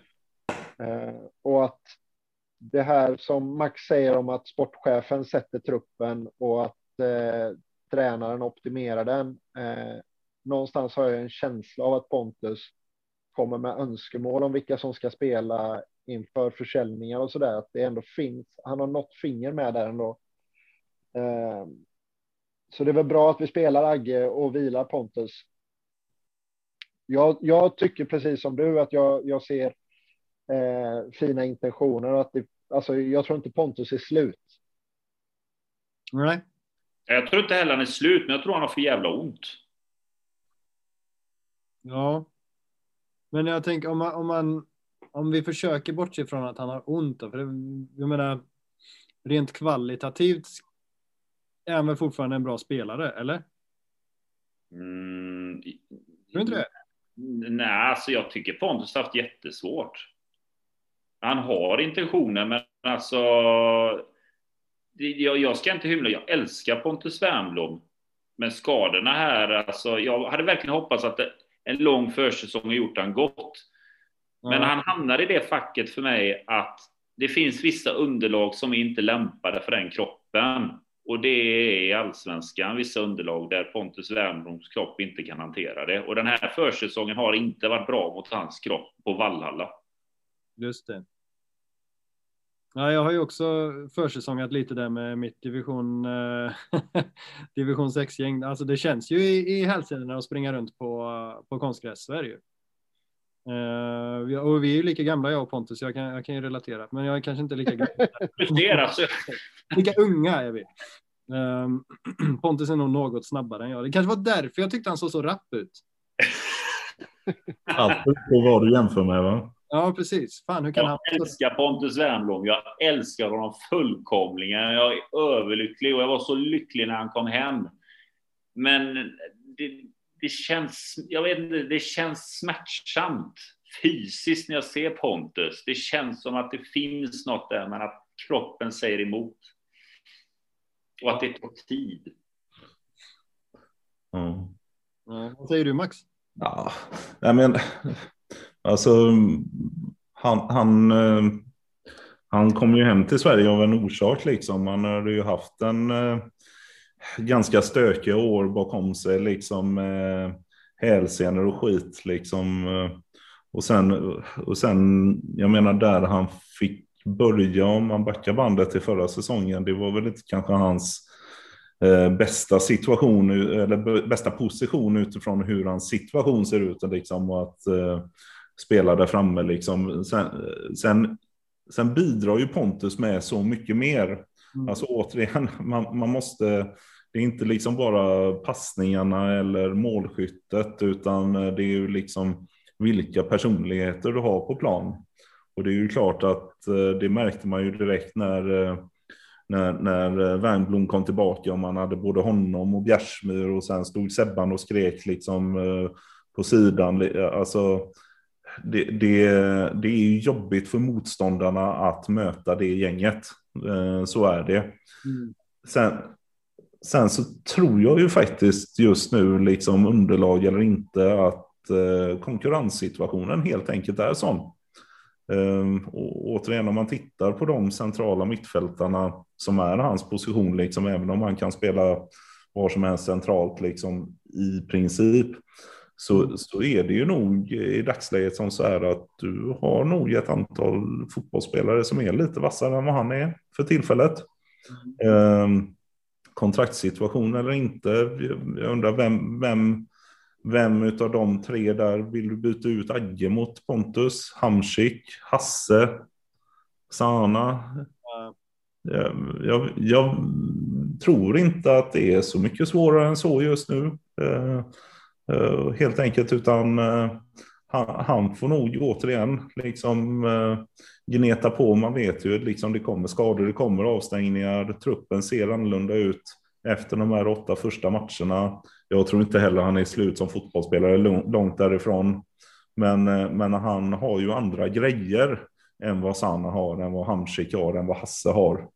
Eh, möjligtvis så är det väl Agge då som du kan jämföra honom med på något vis då. Eh, men ja, jag, jag, tror inte att det är svårare än så just nu, ut, alltså om man tar från Rolles perspektiv. Nej. Men så här då, byta plats på Sebastian Eriksson och August Erlingmark? Ja, säger jag. Ja. Absolut. Oh. Christian? Ja, men du har en helt enig Palén här. Åh, oh, gode gud i himlen. Uh, vem, har du Rolles nummer där, Max? Eller? Jajamän. Ja, då det, skicka det till mig sen så, så ringer jag. Ja, ringer honom och säger det att bara benpodden har bestämt ja. detta. Ja, ring ut 11 på kvällen. Jag tror Rolle blir glad. Tar vi det där. Precis det samtalet han vill ha innan han lägger sig. Ja, han är nog ute och springer milen nu ändå, så det är lugnt. Så så pass ändå. Försöka springa honom i Skatos. Men jag måste fråga just det här. Okej, okay, och vi pratade lite grann om det vi pratade om innan, just det här med spelare och positioner och hur det har fungerat taktiskt. Då ställer jag ju frågan att om Pontus är fit då, alltså ja, det är lite grann också konkurrenssituation, men sett till hur det sett ut här nu mot Degerfors och Halmstad och hur det faktiskt, hur spelarna fräckt sagt då inte lyssnar på instruktioner, då skulle jag, då förstår jag inte varför inte Pontus Wernbloom på plan, för det finns det, finns det någon som är en kravställare på plan så är det Pontus Wernbloom. Mm. Och är han fit då, då vill jag se honom från start från Häcken. För att det här att inte följa instruktioner, som det då verkar inte göra, så att man inte följer de instruktioner som Rolle säger, då måste Pontus Wernbloom vara den som kan ryta till. För det som jag irriteras på också i plan, det ser så jävla mjäkigt ut. Mm. Det är så jävla mesigt. Vad fan, det är ju ingen som är förbannad. Jo, det är klart de är förbannade, det är sådana här skröna supportrar. på det. Men förstår vad jag menar? Just det här att för i helvete tagga upp lite grann och håll position. Jag ser ju att Bjärsmyr kan ryta till lite grann. Nu hade väl han en svacka i skallen eftersom han själv orsakade baklängesmål och så liknande. Men när det är så fundamentalt att man inte är i sina positioner och man inte gör ett spel, då måste det ju rytas till lite på plan. Du måste ju ha en lavett på plan. Det, det räcker inte att höra det från tränarbänken. Jag kan säga att, eh, jag vet inte hur väl det gick igenom uh, eh, eh, rutan, men uh, det, det, delades ut en del skrapor. Uh, framför allt fick Gustav Norlin ta emot en, en och annan uh, utskällning faktiskt. Det var ju dels att han låg konstigt i position vid flera tillfällen, men också. Det är ju andra halvlek. Jo, men alltså, jo, jo, men då, alltså, nu vi utskällningar alltså. Ja. Uh, inte bara att någon blev tillsagd sådär, för det hände ju ändå. Men uh, det, det, det, det ställs fan krav alltså. Det gjorde det. Det hördes inte. Jag hörde inte det i min ruta i alla fall. Jag hörde bara när upp, jag tror det var bänkvärmarna man hörde på Discovery. Det var någon som tjötade där i första halvlek. Jag tror det var någon som höll på att värma upp, som sprang förbi en mikrofon. Fick man höra hela jävla tiden på Discovery. Ja, det var ett himla chatter. Ja, men, men, där, men där tror jag också att det är liksom så här. Ja, men gå till dig själv först. Alltså, ja. det, det, alltså du vet ju själv liksom Uh, om, om det är någon snubbe liksom som, som när ni spelar dåligt och det är någon jävel som liksom går runt och ryter och säger och klagar och så vidare och så spelar inte han så mycket bättre än vad du själv gör. Alltså, det, det, visst, Pontus funktion som kravställare och så vidare, den, den, uh, den var jävligt nyttig i höstas. För där mm. behövdes det verkligen. Det var liksom, där var det alldeles, alldeles, alldeles för snällt liksom. Men, men i det här läget så, så är det ju också, jag, jag tror att alla är väldigt, väldigt medvetna om vad det är som krävs och ställer högre krav på varandra. Men återigen, börja hos dig själv, gör ditt jobb. Och sen börja ställa krav på andra. Liksom. Det är inte det att du ska vara tyst, liksom, men, men, men det där, det är liksom ett eget ansvar. Det är ett eget ansvar. Liksom. Det finns så många i den truppen som eh, kan ställa krav och det är inte bara Pontus, det är inte bara Bjärs eller Sebban och så vidare. Liksom. Det, är, det är en mängd med spelare som är rutinerade och professionella och så vidare. Men, men eh, ja, det var väldigt, väldigt få som tog sitt egna ansvar. Att börja hos dig själv, liksom. Ta de här, alltså istället för att köta, visa. Ta de här, de här löpmetrarna som vi pratade om innan det, jag, jag, tror att det får större effekt om, om, eh, om, om några av spelarna liksom visar med, med sitt kroppsspråk och tar de här eh, de metrarna som krävs för att öppna passningsvägar och sen börja köta liksom. Mm. Vi snackade faktiskt eh, David Boviklander om, eh, jag pratade med honom för någon vecka sedan och han kom ju fram till att ganska lönlöst att springa och skälla egentligen är bättre att jag visar liksom. Exakt så. Som han satt på bänken i 90 minuter, liksom, han tjatade väl inte med sig någon på de där intervallerna, men han gjorde dem liksom. Exakt. Um, och sen Billy Nordström har jag hakat på till exempel. Jag tror, inte, jag tror inte att han hade sprungit intervaller efter match om inte David Boviklander hade gjort det liksom. Uh, nej, nej, men jag håller med David där. Det, och han, han var ju ett föredöme i Mm. just det. Liksom. det. Man kunde prata hur mycket man ville om hans både höger och vänsterfot. Liksom. Men det spelar ingen roll. Liksom. Han gjorde jobbet. Mm. Men det är Eh, ju det som oroar mig lite grann just att då gör vi ju inte jobbet. Alltså man ska ju inte måla fasiken. Det är ju visserligen Degerfors och Halmstad, men få gubbarna att göra det jobbet då. För att det var ju inte det bästa mot Örebro. Det är ju AIK som är bra, men annars är det ju inte klang och jubel. Försäsongen var ju inte klang och jubel heller, liksom på det sättet att man inte gör jobbet. Är det för att Alltså jag ställer ju bara en idiotfråga här nu, men är det att vi har några starka namn i truppen som gör att man kan känna att det löser av sig själv? Blir det, kan det bli så? Ja, jag tror att man kan nog tänka sig att eh, man tror att Marek Hamsik ska, ska lösa den gordiska knuten eh, utan att behöva någon hjälp egentligen. Det tror jag definitivt. Eh, att det kan finnas en risk när det kommer en så högprofilerad spelare in i, i, i truppen. Ja, det kunde man se mot Degerfors. Jag tyckte inte vi såg det tydligt nog mot Halmstad, men vi såg mot Degerfors. Att eh, man ville gärna vara snabb och passa Hamsik i vissa lägen. lite som Zlatan i landslaget. Precis. Ja, men jag tycker fortfarande att man tittade ganska mycket efter Hamsik sådär. Eh, Ja. Sen, ja, alltså han gör ju helt, ja, han, är, han, han gör det bra liksom.